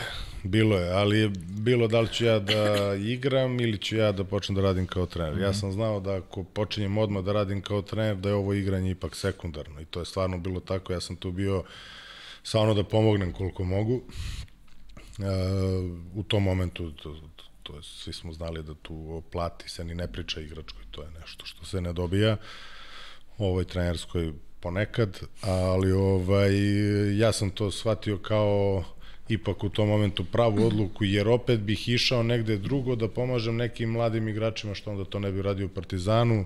Ambicije ni jednog od klubova koji su me zvali nisu bile najviše.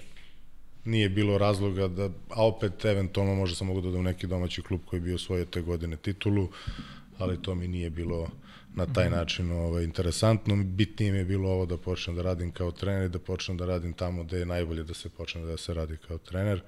Tako da je to bilo praktično ovaj razlog zašto sam završio u Partizanu. Kažem, pored toga što je to jednostavno i prirodno. Uh -huh. Evo ćemo sad malo o reprezentaciji. Hoćemo. Ostaće upisano da si odigrao 46 utakmica, postigao 28 golova. Šta je razlog što si odigrao malo velikih takmičenja za nacionalni tim? Pa, stice okolnosti. Mislim, ja sam razlog i moj taj odnos, volim, ne volim sport, volim, ne volim vaterpolo, volim, ne volim da treniram e, i tako dalje. U, tim nekim, to je nešto što na svojoj koži u principu se najbolje i oseti. Naravno da je bolje kad e, neko nema tu vrstu odnosa ovaj, kažem, nestalnog prema sportu. Ja sam taj, na svoju opet žalost, ali s druge strane i sreću, mislim da mi to sad jako puno znači da prepoznam ako to se dešava kod nekih momaka igrača, mislim da ne postoji bolji rengen da to primeti od mene. Mm. Ovaj, to je sigurno razlog, plus, kažem, stice okolnosti sad bez šale, dva van serijska talenta su samo dve godine, odnosno godinu i po mlađi od mene, e, Boris Loković i Boba Nikić. I sad na istoj poziciji takva dva talenta odmah tu praktično nisam imao nikakvu šansu u, u, u tim, u tim ovaj, reprezentativnim okvirima. Mislim, to me nije sprečavalo, stvarno sam držao visoke ambicije i visok nivo na klubskom nivou kako bi ono to rekao da su me ikad u, u, u to vreme uveli u taj ja kažem reprezentativni sistem ne verujem da bi se obrukao na kraju sam ušao u reprezentaciju odigrao to veliko takmičenje kad je već država praktično bila a, samo Srbija i ovaj opet da, da kažemo možda malo i o, u najčudnijim okolnostima ja mislim koje su neko ja, pri, debito tako da to onda na kraju je sve zajedno jedan stice okolnosti koji nema veze sa mnom, a ovo prvo što ima veze sa mnom, to mislim da je jasno.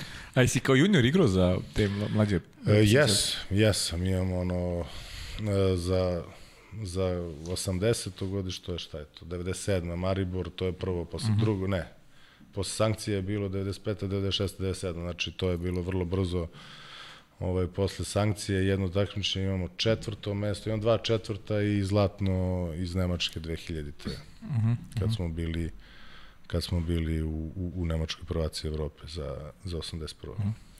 E, ajmo sad na 2005. i 6. To je najbolja sezona za tebe. Zlato u Svetskoj ligi, pre toga bronza na mediteranskim igrama. Pa da, apsolutno. Ta bronza na mediteranskim igrama, to je neka ekipa, ja sam tek po dolasku iz, e, sa mediteranskih igara shvatio da je to A reprezentacija u stvari bila, mm. pošto smo mi bili svi iz domaćih klubova i ja sam bio najstariji. Ja, najstariji kao neko ko nije reprezentativac, o, nego tako, eto, povremeni. I ovaj, i u stvari, šalim se, shvatio sam tamo da reprezentacija kad smo igrali sa Špancima i Italijanima koji su stvarno bili u punom sastavu, ovaj, ta godina je ajde da kažem godina kad sam ja počeo i konstantin, konstantnije u, u Partizanu da igram dobro i mislim da je to jednostavno bilo prirodno da se to tad ovaj, i, i pretoči u te neke rezultate reprezentativne i tu svetsku ligu smo odigrali praktično bez ovih standardnih reprezentativaca 2006. mi da su oni priključili samo za završni turnir, da smo pre toga mi praktično obezbedili plasma na završni turnir i onda smo čak onako išli svi zajedno na taj završni turnir više da nam se da do znanja da smo i mi zaslužni za taj trofej koji su oni osvojili te godine i nisam bio u sastavu na tom finalnom turniru, ali sam bio tamo i bio učesnik te svetske lige. I to je sigurno taj period kad sam najviše provodio i kroz pripreme i, i jako mi je puno značilo za posle, jer sam provodio vreme sa igračima kojima sam se suštinski uvek i divio i koje, za koje sam znao da predstavljaju neku veličinu u našem sportu koja je ovaj, jako visoko i da, da, da, da ima jako puno da se uči. E, malo pi si rekao, najveći tvoje takmičenje svetsko prvenstvo u Melbourneu 2007. godine. Znam da je cijela ekipa onako i ispraćena sa velikim očekivanjima. Aj malo se da nas posetiš i i ekipe i tih dešavanja, malo ćemo da obradimo kasnije taj, taj polufinali, polufinali borbu za treće mesto. Pa, to je ekipa koja je, mislim, sve te godine praktično osvajala ne medalje, nego prva mesta uglavnom i ponekad, ponekad drugo, drugo ili treće mesto, ali jako redko. Uh -huh. Ovaj, samo što, sad kažem, tu je bila jedna specifična, mart je u sred godine je bilo to takmičenje, e, bila neka specifična atmosfera unutar ekipe koja nije, koja nije bila e, e, koja nije bila baš najbolja i glupo je da ja o tome pričam mm -hmm. pošto nisam ja da kažem neko ko je ko je bio standardni reprezentativac u to vreme da pričamo o toj atmosferi, ali sigurno da nije bila kako treba. Sigurno da nije bila kako treba. Drugo, otežavajući okolnosti, uvek su to otežavajući faktori uh, u sred godine kad suštinski niko mi ne odgovara, igranje u Melbourneu, pa smo čak i neke duge pripreme imali, pa smo otišli mnogo ranije, mislim da smo otišli u mesec dana to je sve ukupno smo bili mesec dana sa svetskim odsutni od kuće. Mislim da je to sve uticalo onako na Novom Zelandu, neki turniri, pripreme i tako dalje. I ovaj, ja nisam se osjećao iskreno kao deo te ekipe. Uh, osjećao sam se kao i godinu dana pre toga kad sam bio na pripremama i sve ostalo, ali nisam izborio ovaj mesto u, u, u tih najboljih 13 ili 15 koliko je igralo na Evropskom u Beogradu. Tako sam se osjećao i tamo. I ovaj, to je na kraju uzelo, uzelo je svoj danak. Nisam se ni jednom momentu osjećao kao deo ekipe i nisam ni jednom momentu pružio svoj maksimum, kažem, subjektivnih, objektivnih okolnosti, ali to je tako bilo. A što se tiče rezultata, opet kažem, mogu ja da pričam, ali nisam ja ovaj, pozvan da pričam o tome, jer oni znaju šta je njih pratilo godinama pre -hmm. toga i posle toga i koji su razlozi zašto se na tim nekim takmičenjima nije dao maksimum sigurno nije maksimum e, četvrto mesto, ako ništa drugo, te špance smo, imali smo i zajedničke pripreme i dobili smo ih uvek između 8 i 12 razlike na treningu. Mm.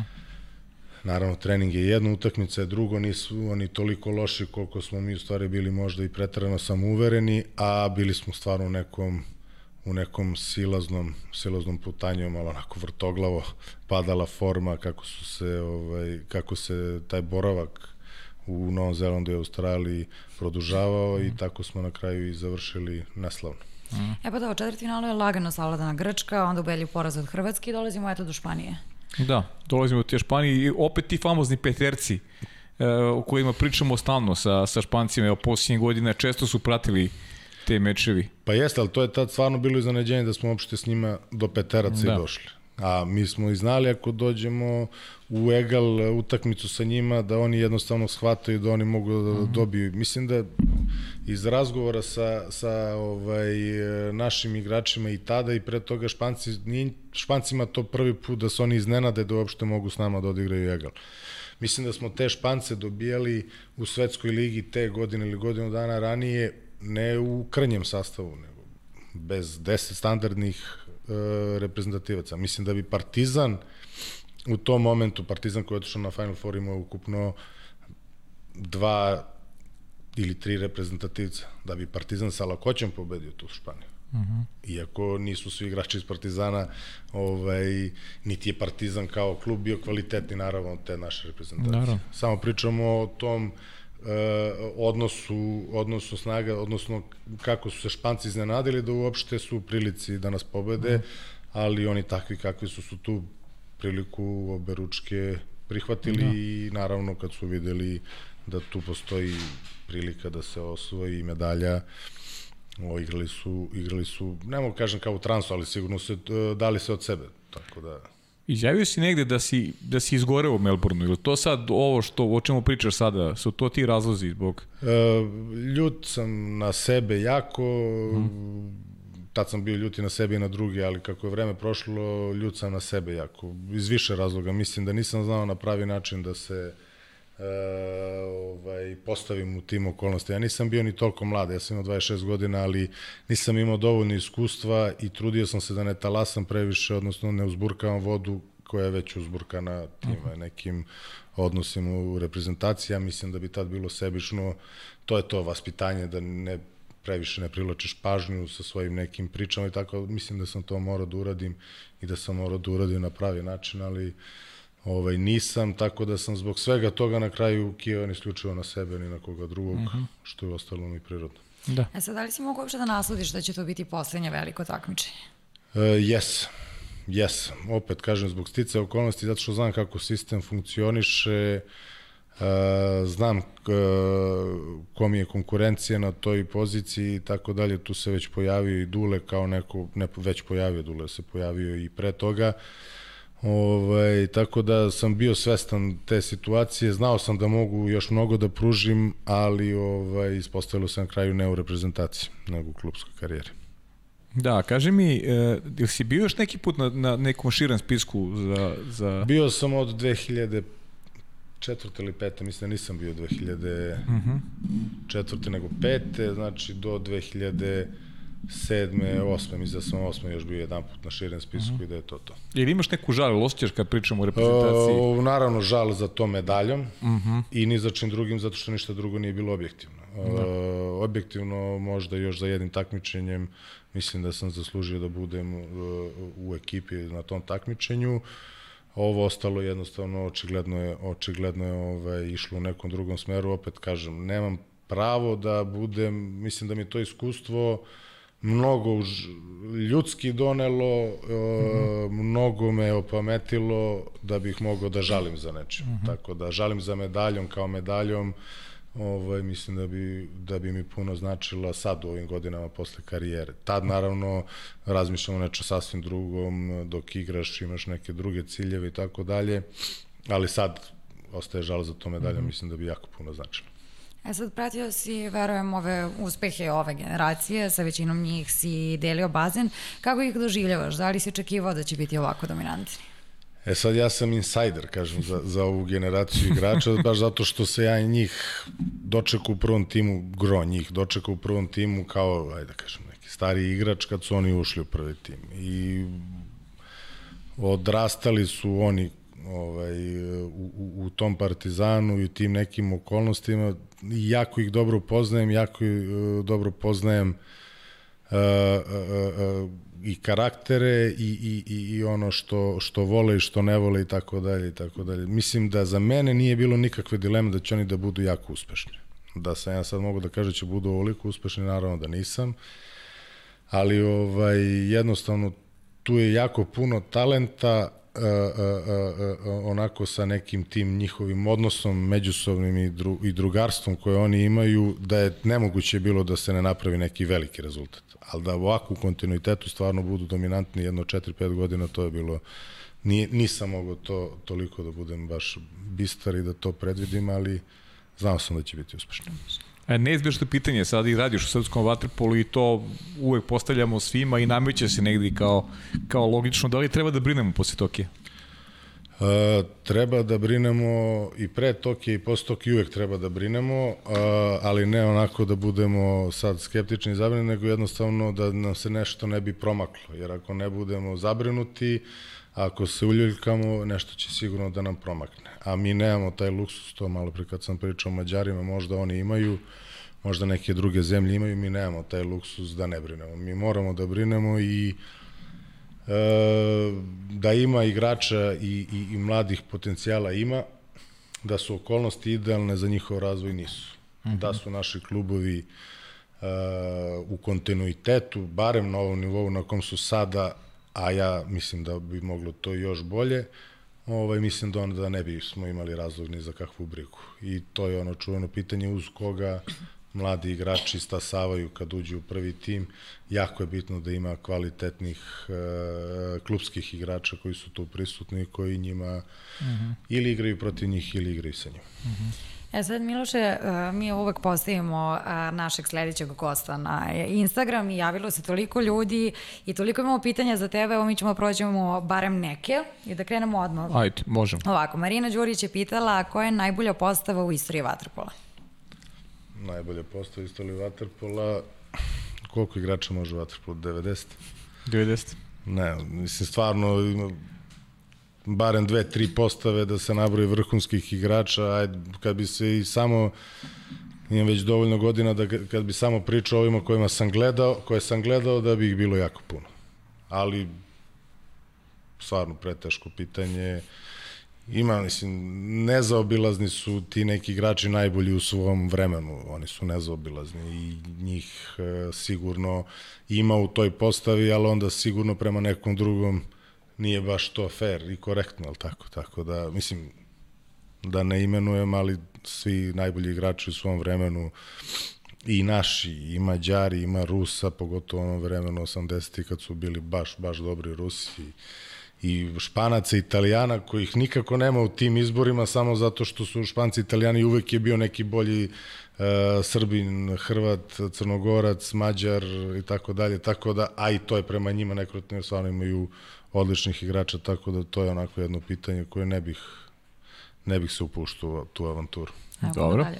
Jelena Stojanović pita, kaže, sarađivo je sa, sa različitim trenerima kroz karijeru. Koji trener imao najveći utjecaj na njega, od kog trenera je najviše naučio? Uf, ja imao sam stvarno sreće što se tiče trenera da ono u nekom drugom ovaj sportu, a i o našem to je stvarno Hall of Fame. Trenera imam jako puno, jako puno s kojima sam sarađivao. Naš odrastanje moje generacije je vezano za Nenu Manojlović. Mm -hmm. Mi smo proveli kod njega, on je nas trenirao od naše 15. do recimo dok nije postao selektor 2000. znači do naše 20. godine, 19. 20. godine. On nas je učio, ne mogu da kažem baš azbuku, ali nas je učio ovaj, vaterpolu o, do nekih sitnih detalja do koje mi tad nismo imali pojma da postoje.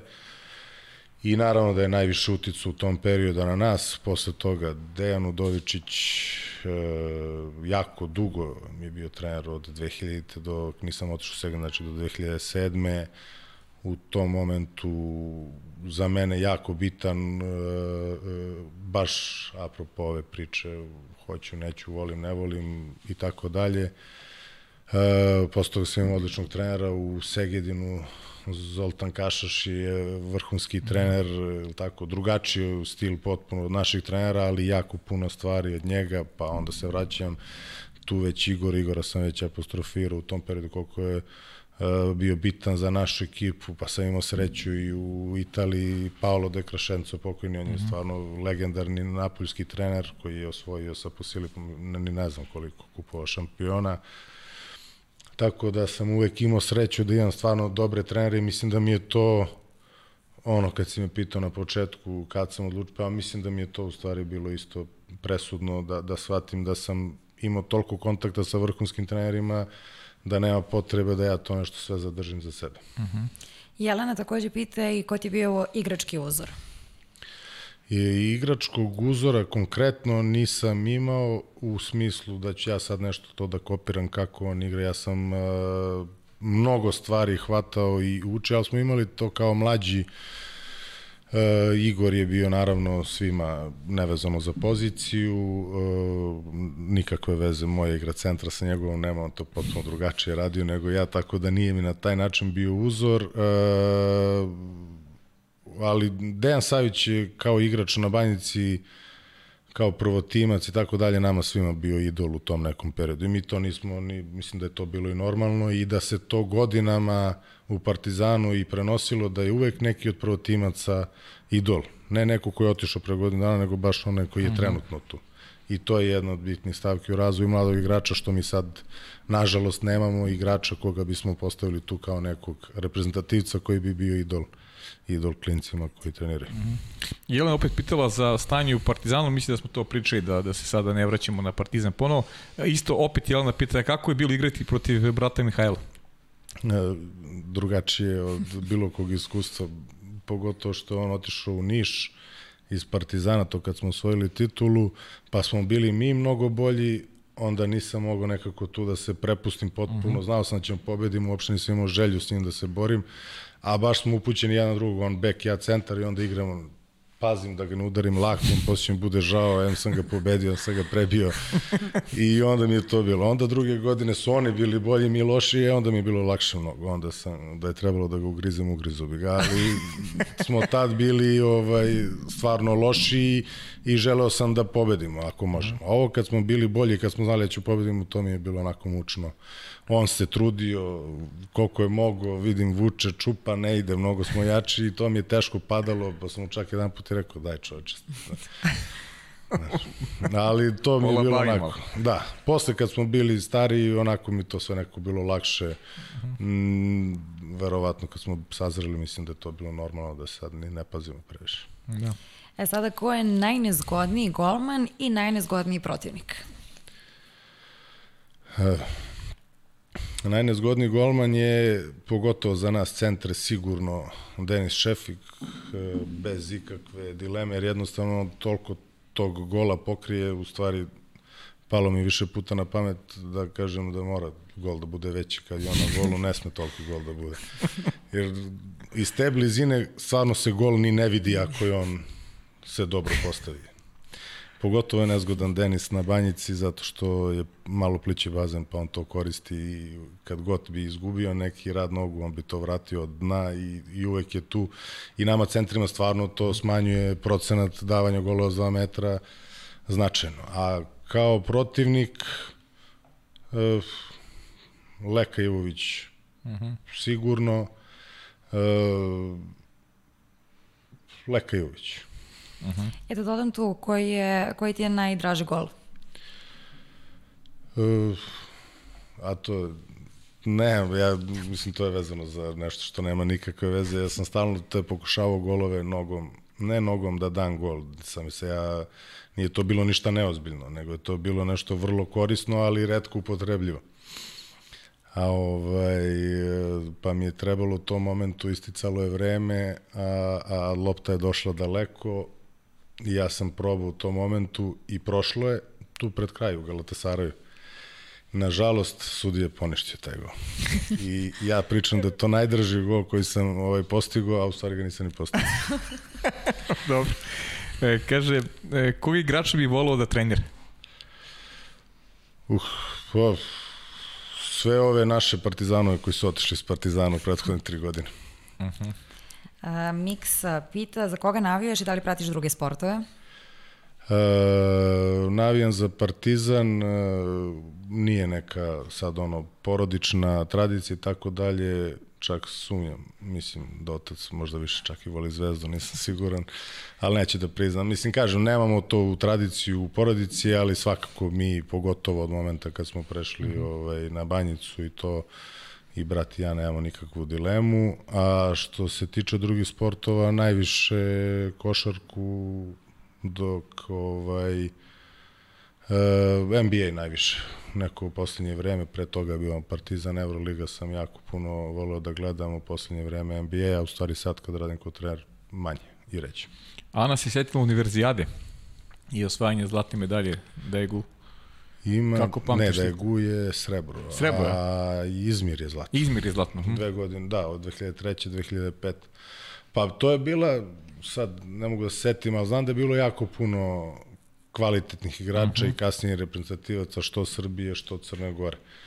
Ovaj, jako, jako interesantna ekipa i Mađari u jako, jako dobrom sastavu isto prepunjeni ovako talentom i, i, i igračima koji su kasnije bili ja mhm. reprezentativci, baš onako visok nivo, finale isto za pamćenje, dobra utakmica, mislim da smo ih dobili nešto ubedljivo u smislu da su dali malo golova, da li smo dobili 8-3 ili tako nešto, ali visok nivo vaterpola, mislim da se ni jedna ni druga ekipa u tom momentu ne bi obrukala na nekom svetskom prvenstvu ili evropskom da bi se sigurno ovaj, šunjali oko medalje. Okay. E sad, to Ana si sedela univerzijade, a Milan Malte. A Malta, Malta je, to je, to je posebna emisija, to nećemo... Posebna emisija, da? Mašale. Ne, nego dugo sam išao, išao sam svako leto od, od 2010. do 2015. 2010. završio sa 2015. To su oni letnje lige, čujem. Letnje lige, tako je. I spontano se i desilo i kad se desilo prvi put, onda sam nastavio da odlazim tamo. E, to mi je bio idealno, ajde da kažem, e, razmer, e, to jest odmer odmora i rada u, u, u letnjoj pauzi. Mhm. -huh. Da ne bude, ne radim ništa, da ne bude sad treniram, a zašto treniram kad nema takmičenja tri meseca, nego ima neko takmičenje za koje se spremaš, igraš, I onda na kraju mi se tamo i svidelo, jako lepo ovaj, se živi tamo ta tri meseca bez puno obaveza, opet s druge strane na tim ljudima to ipak puno znači, nemoguće tamo otići, a, a, a ne raditi ništa i ne truditi se, to je stvarno, no. ne bi bilo nepošteno prema sebi, a i prema njima pogotovo. tako da sam se tamo suštinski i nauživo i naigrao vaterpola. Na kraju krajeva, pošto sam igrao tih pet sezona tamo ovaj, u kontinuitetu i mislim i produžio sebi karijeru za koju godinu, jer da sam to pauzirao bez treninga, mm -hmm. teško bi igrao do 38. Dobro, da, zapamtio si rekao, pričat ćemo znači, o Malti nekom drugom prilikom. E, ovo protiv kog beka se nije naigrao, pretpostavljam da to možda da kažemo Le, Leke Ivović, da. I kog centra najviše poštuje? Pita Peca. Poštujem jako puno centara da sad ove u, u, u novije vreme imaju uvek Hrvati, imaju uvek mm -hmm. sjajne centre i od ovog centarskog para Hinić, Modlaka, Dobud, Vrlić, Lončar, to su sve to su sve vrhunski centri. Svi su različiti i svi imaju neke svoje kvalitete, ali nekako Hrvati uvek imaju uh -huh. ako ne dvojicu vrhunskih, barem jednog. To je već to je već jasno.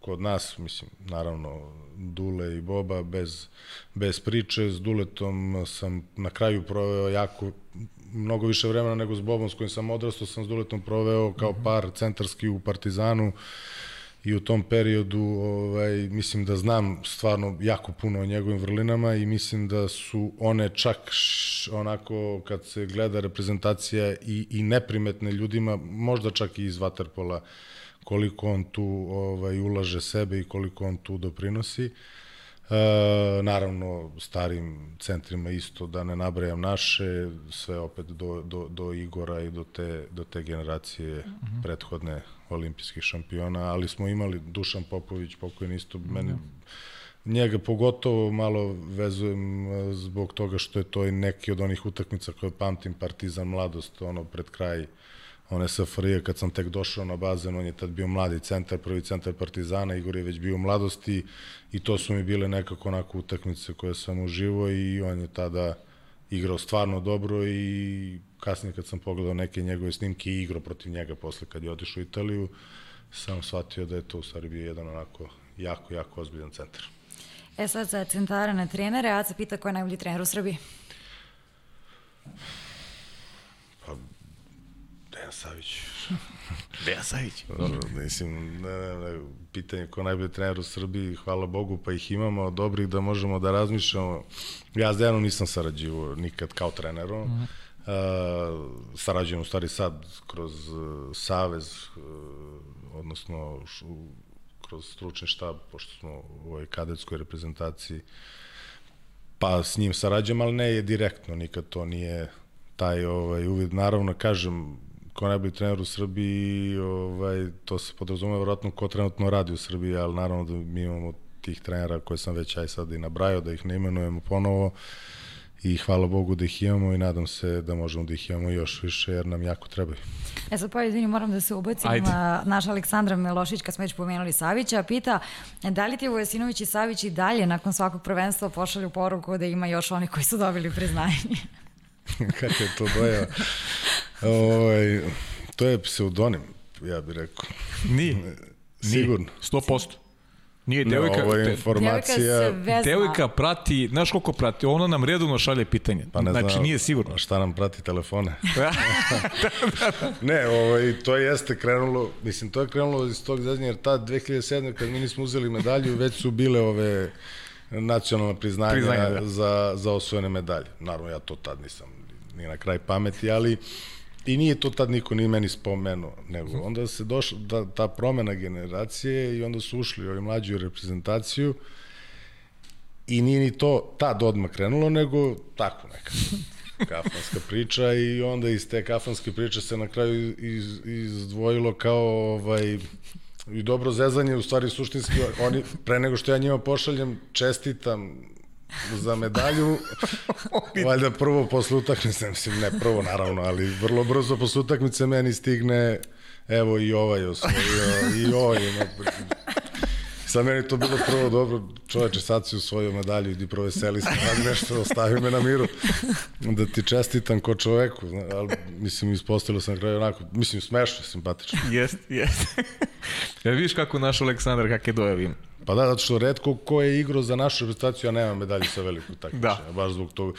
Ima pored mene nema nema niko u stvari, nego ima iz one 99 iz Firenze par momaka koji su tad igrali nisu posle igrali više za reprezentaciju. Da, da.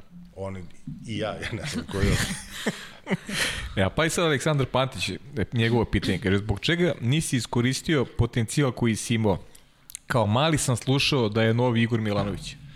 Pa to je ova priča s početka. E, ne bi sad išao to predaleko, to treneri sigurno znam da su od mene očekivali uh, puno, nisam na pravi način pristupio tome kao, kao, kao mlad. Ima i subjektivnih i opet ima i objektivnih okolnosti. Kažem, Waterpolo su u tom momentu menjao. Ja, u velikim tim sistemima, ovo ne pričam sad pričam zato što smo već absolvirali da je do mene sve. Da, da, da. Ovo, jasno. ne bi sad, nego hoću ja kažem da ima i objektivnih tih, mhm. -huh. znači osim toga što je bilo, ima i to da sam ja u stvari neke stvari uh, hteo, a nisam ovaj, na pravi način na pravi način to implementirao i to je trebalo neko vreme i plus, kažem opet, ključna stavka je okolnosti u kojima se neko razvija, neko koji je u prvom planu i u reprezentaciji ima mnogo, mnogo bolje uh, ovaj, uslove da se razvije kasnije u vrhunskog igrača i da postigne više. Uh -huh. E sad, Dušan Ćuk pita, da li je istina da su oni i Marko Ćuk imali neprijatnu situaciju u gradu sa nervoznim vozačem kombija? pa verovatno. Čim pita. da. Samo je to napisao, tako da ne znam. Ne znam naše se odnosi. ali ne, ne mogu sad, mislim, možda bi se i setio, ali bi morali da ćutimo jedno i žmurimo jedno pet minuta, ali neću. E, Filip pita, Da li, dobro, ovo smo negde, da li misli da je zaslužio da igra više od jednog svetskog prvenstva? Kažem, mislim da sam zaslužio još jedno takmičenje, neću reći ni koje tačno konkretno, ali još jedno takmičenje mislim da sam sigurno zaslužio i tad se sve uklapalo. Ovo uh mhm. -huh. već u Melbourneu možda se čak nije ni sve uklapalo, uh mhm. -huh. ali tad se sve uklapalo. Uh, Marko pita, uh, da, taman to je dosta ljudi pitalo za iskranu vaterpolista. E, tome nije bilo reči kad smo mi bili klinci, tad je bilo što više, što kvalitetnije i jedini nije bilo reči. A sad naravno o tome mnogo više znam i ja, ovaj, a i, i, i igrači, sad se mnogo više o tome priča nego u tom periodu kad smo mi bili deca. Uh, pogotovo što sad dostupne su te informacije iz medija, pa znamo kako se hrane vrhunski košarkaši, vrhunski teniseri, vrhunski sportisti i tako dalje. Mi smo imali tu, tu ovaj, ja kažem, sreću da smo bar u Partizanu, barem se to na neki način vodilo računa. Ne sad do detalja do kojih bi trebalo, ali se na neki način vodilo računa suštinski. To je jedna tema naučna, onako, za koju ja stvarno se ne bi usudio da uđem u te detalje. Znam površno, zagrebo sam površinu i znam, odnosno razumem kad mi neko kaže znam na šta misli, a da bih ja to se usudio da nekom objašnjavam, ne bih. Još bi rekli tvoji prethodnici, što više to bolje. da, pa to je bilo, što više to bolje. To samo je fiće, da recimo, priča, što više to bolje. Pa, To znam, to za Fiću. da. Kakav odnos imaš sa Dejanom Udovičićem, pita Filip, još, još jedno njegovo pitanje. E, odličan odnos, jako, kažem, dugačka saradnja. Imali smo i, i i neslaganje igrač trener, što to ne reći, to je normalna stvar, Tako, igrač da. trener pogotovo ovaj, u tom nekom periodu, ali nismo nikad uh, e, nismo nikad lični odnos e, menjali. Nismo bliski prijatelji, ali nikad nismo narušili lični odnos. To profesionalno neka neslaganja koje je bilo, mislim, kako neslaganje može da bude trener je trener, igrač je igrač. Jasno. I to je to. A, životni i sportski moto? E, nemam konkretan moto, nikad nisam taj način pristupao, meni to sve nekako uprošćavanje ovaj, suštine, ali ako bi neku, neku upotrebio rečenicu, to je stvarno da nije sve za svakog i ne treba svako da radi sve, nego da svako treba da radi ono što može i što, što ume. Ja, Saša Karlić, ja više nemam ude. Pitanje kakav je pomladak Partizana, imali tu materijala za buduće šampione. Negde smo se dotakli te Jesu, teme, ali ima, znam da neće pričati o imenima. Neću imena spominjati, mislim, dovoljno da oni znaju ovaj, e, šta treba da rade i šta im je činiti. Ima jako interesantnih igrača u Partizanu, ima i u drugim klubovima, hvala hvala Bogu da je tako. I sad se malo i naša baza proširila, nismo mi već sad samo suženi na Beograd, ima Šabac, ima Kragujevac, klince koji se pojavljuju, e, jako težak moment, pogotovo ovaj sada, ali ne, ne, ne nešto što, što mislim da ne možemo da, da, da prevazićemo. E sad, ako nećemo pričati o imenima, onda i Filip je pitao najperspektivniji mladi igrač, da to isto zaobiđemo ili... E, sigurno neko tih momaka perspektivno. Da.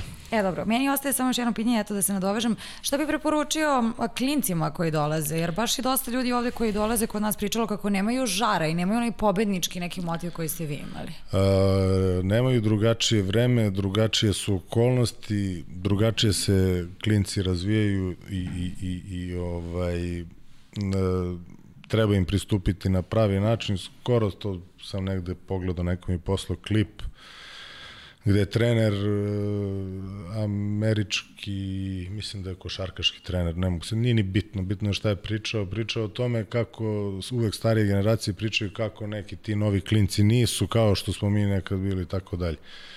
Uh, I on to čovjek lepo tamo objasni, nije problem u klincima, problem je u nama ko je odgojio te klince nego neko iz e, te generacije koja se žali na te klince. Mhm. -huh. Tako da s te strane, ovaj, s te strane ja nemam taj osjećaj, ja sam imam osjećaj da treba drugačiji pristup, nemoguće je primenjivati metode koje su nekad primenjivane, nemoguće je pristupati klincima na taj način. Uh, mnogo više opcija oni u životu imaju nego što smo mi imali u tom momentu i to treba prihvatiti kao takvo, ali uvek ima onih koji stvarno žele više od drugih i te koji žele više od drugih treba ispoštovati maksimalno ko ne želi ne treba ga terati. Eto, mi imamo, mislim, imamo dosta pitanja, pa, ali manje više smo sve odgovorili Hoćeš do sada. Još da. da, ja za kraj uvek spomenem porodicu jer je osnov svega i najveća je potpora i spomenula si, baš zapamtila sam za Napolj, da si sa ženom najviše vremena i provodio, tako da evo da je pozdravim ovom prilikom. Uh, Jeste, sa suprugom Anom, ali mi smo stvarno, ovaj, mislim, supruga, devojka, pre toga mi smo od uh, naše 17. godine zajedno, tako da smo jako dugo zajedno. I praktično od tog e, Partizana i sve ostalo putovanja posle odlasci u inostranstvo, igranje u inostranim klubovima, sve vreme zajedno i nekako i ljudi koji nas znaju, mi smo im ovaj jedno. jedno tako reći ta, tako je tandem tako da ovaj to je to je apsolutno treba naglasiti velika podrška i puno mi je značilo mnogo mi je olakšalo taj boravak u inostranstvu i, i u, u tim lepim momentima, pogotovo onim ne tako lepim. Nema ništa lepše od toga. Miloš, ja sam te na početku da. pitala kako ti se čini naš studij, evo sada ti pitam kako ti se čini intervju. Uh, pa interesantno, možda nisam najko malo previše pričamo o meni, neke druge teme, ali da, jako lepo i uživo sam. I vi ste se već dogovorili za neke sledeće. Jesmo, da. da. Biće ponovo Miloš, to sigurno. Čeka ga jedna lepa karijera i to govore ljudi iz Waterpola, tako da ti ja ne možemo pričamo iz perspektive struke, ali zato, ja, može, ali zato možemo struku da slušamo, a struka kaže da je Miloš jedan od najperspektivnijih srpskih trenera, tako da ćemo da pričamo sigurno još o Waterpolu, a eto, tebi sada ostavljam da najaviš, hvala ti što si bio naš gost, a tebi ostavljam da najaviš, pošto sada znamo ko će nam biti sledeći gost, pa možda ga najaviš, jer evo, prethodnih mesec dana mislim da nismo napred imali planiran scenariju zbog eto, ko, koje kakvih okolnosti, ali ovog puta znamo ko je sledećeg nedelje ovde. Tako je, Miloče, meni ostaje još jednom da ti se samo zahvalim i ja neću nešto mnogo najavljivati našeg sledećeg gosta, mislim da je sasvim dovoljno da vam kažem da je sa nama Dače Kodinović. Tako da šaljite nam pitanja na našim Instagram profilima i spremite se jer sam sasvim sigurno da ćete uživati i u tom intervju. Hvala vam na pažnji i prijetno. Prijetno.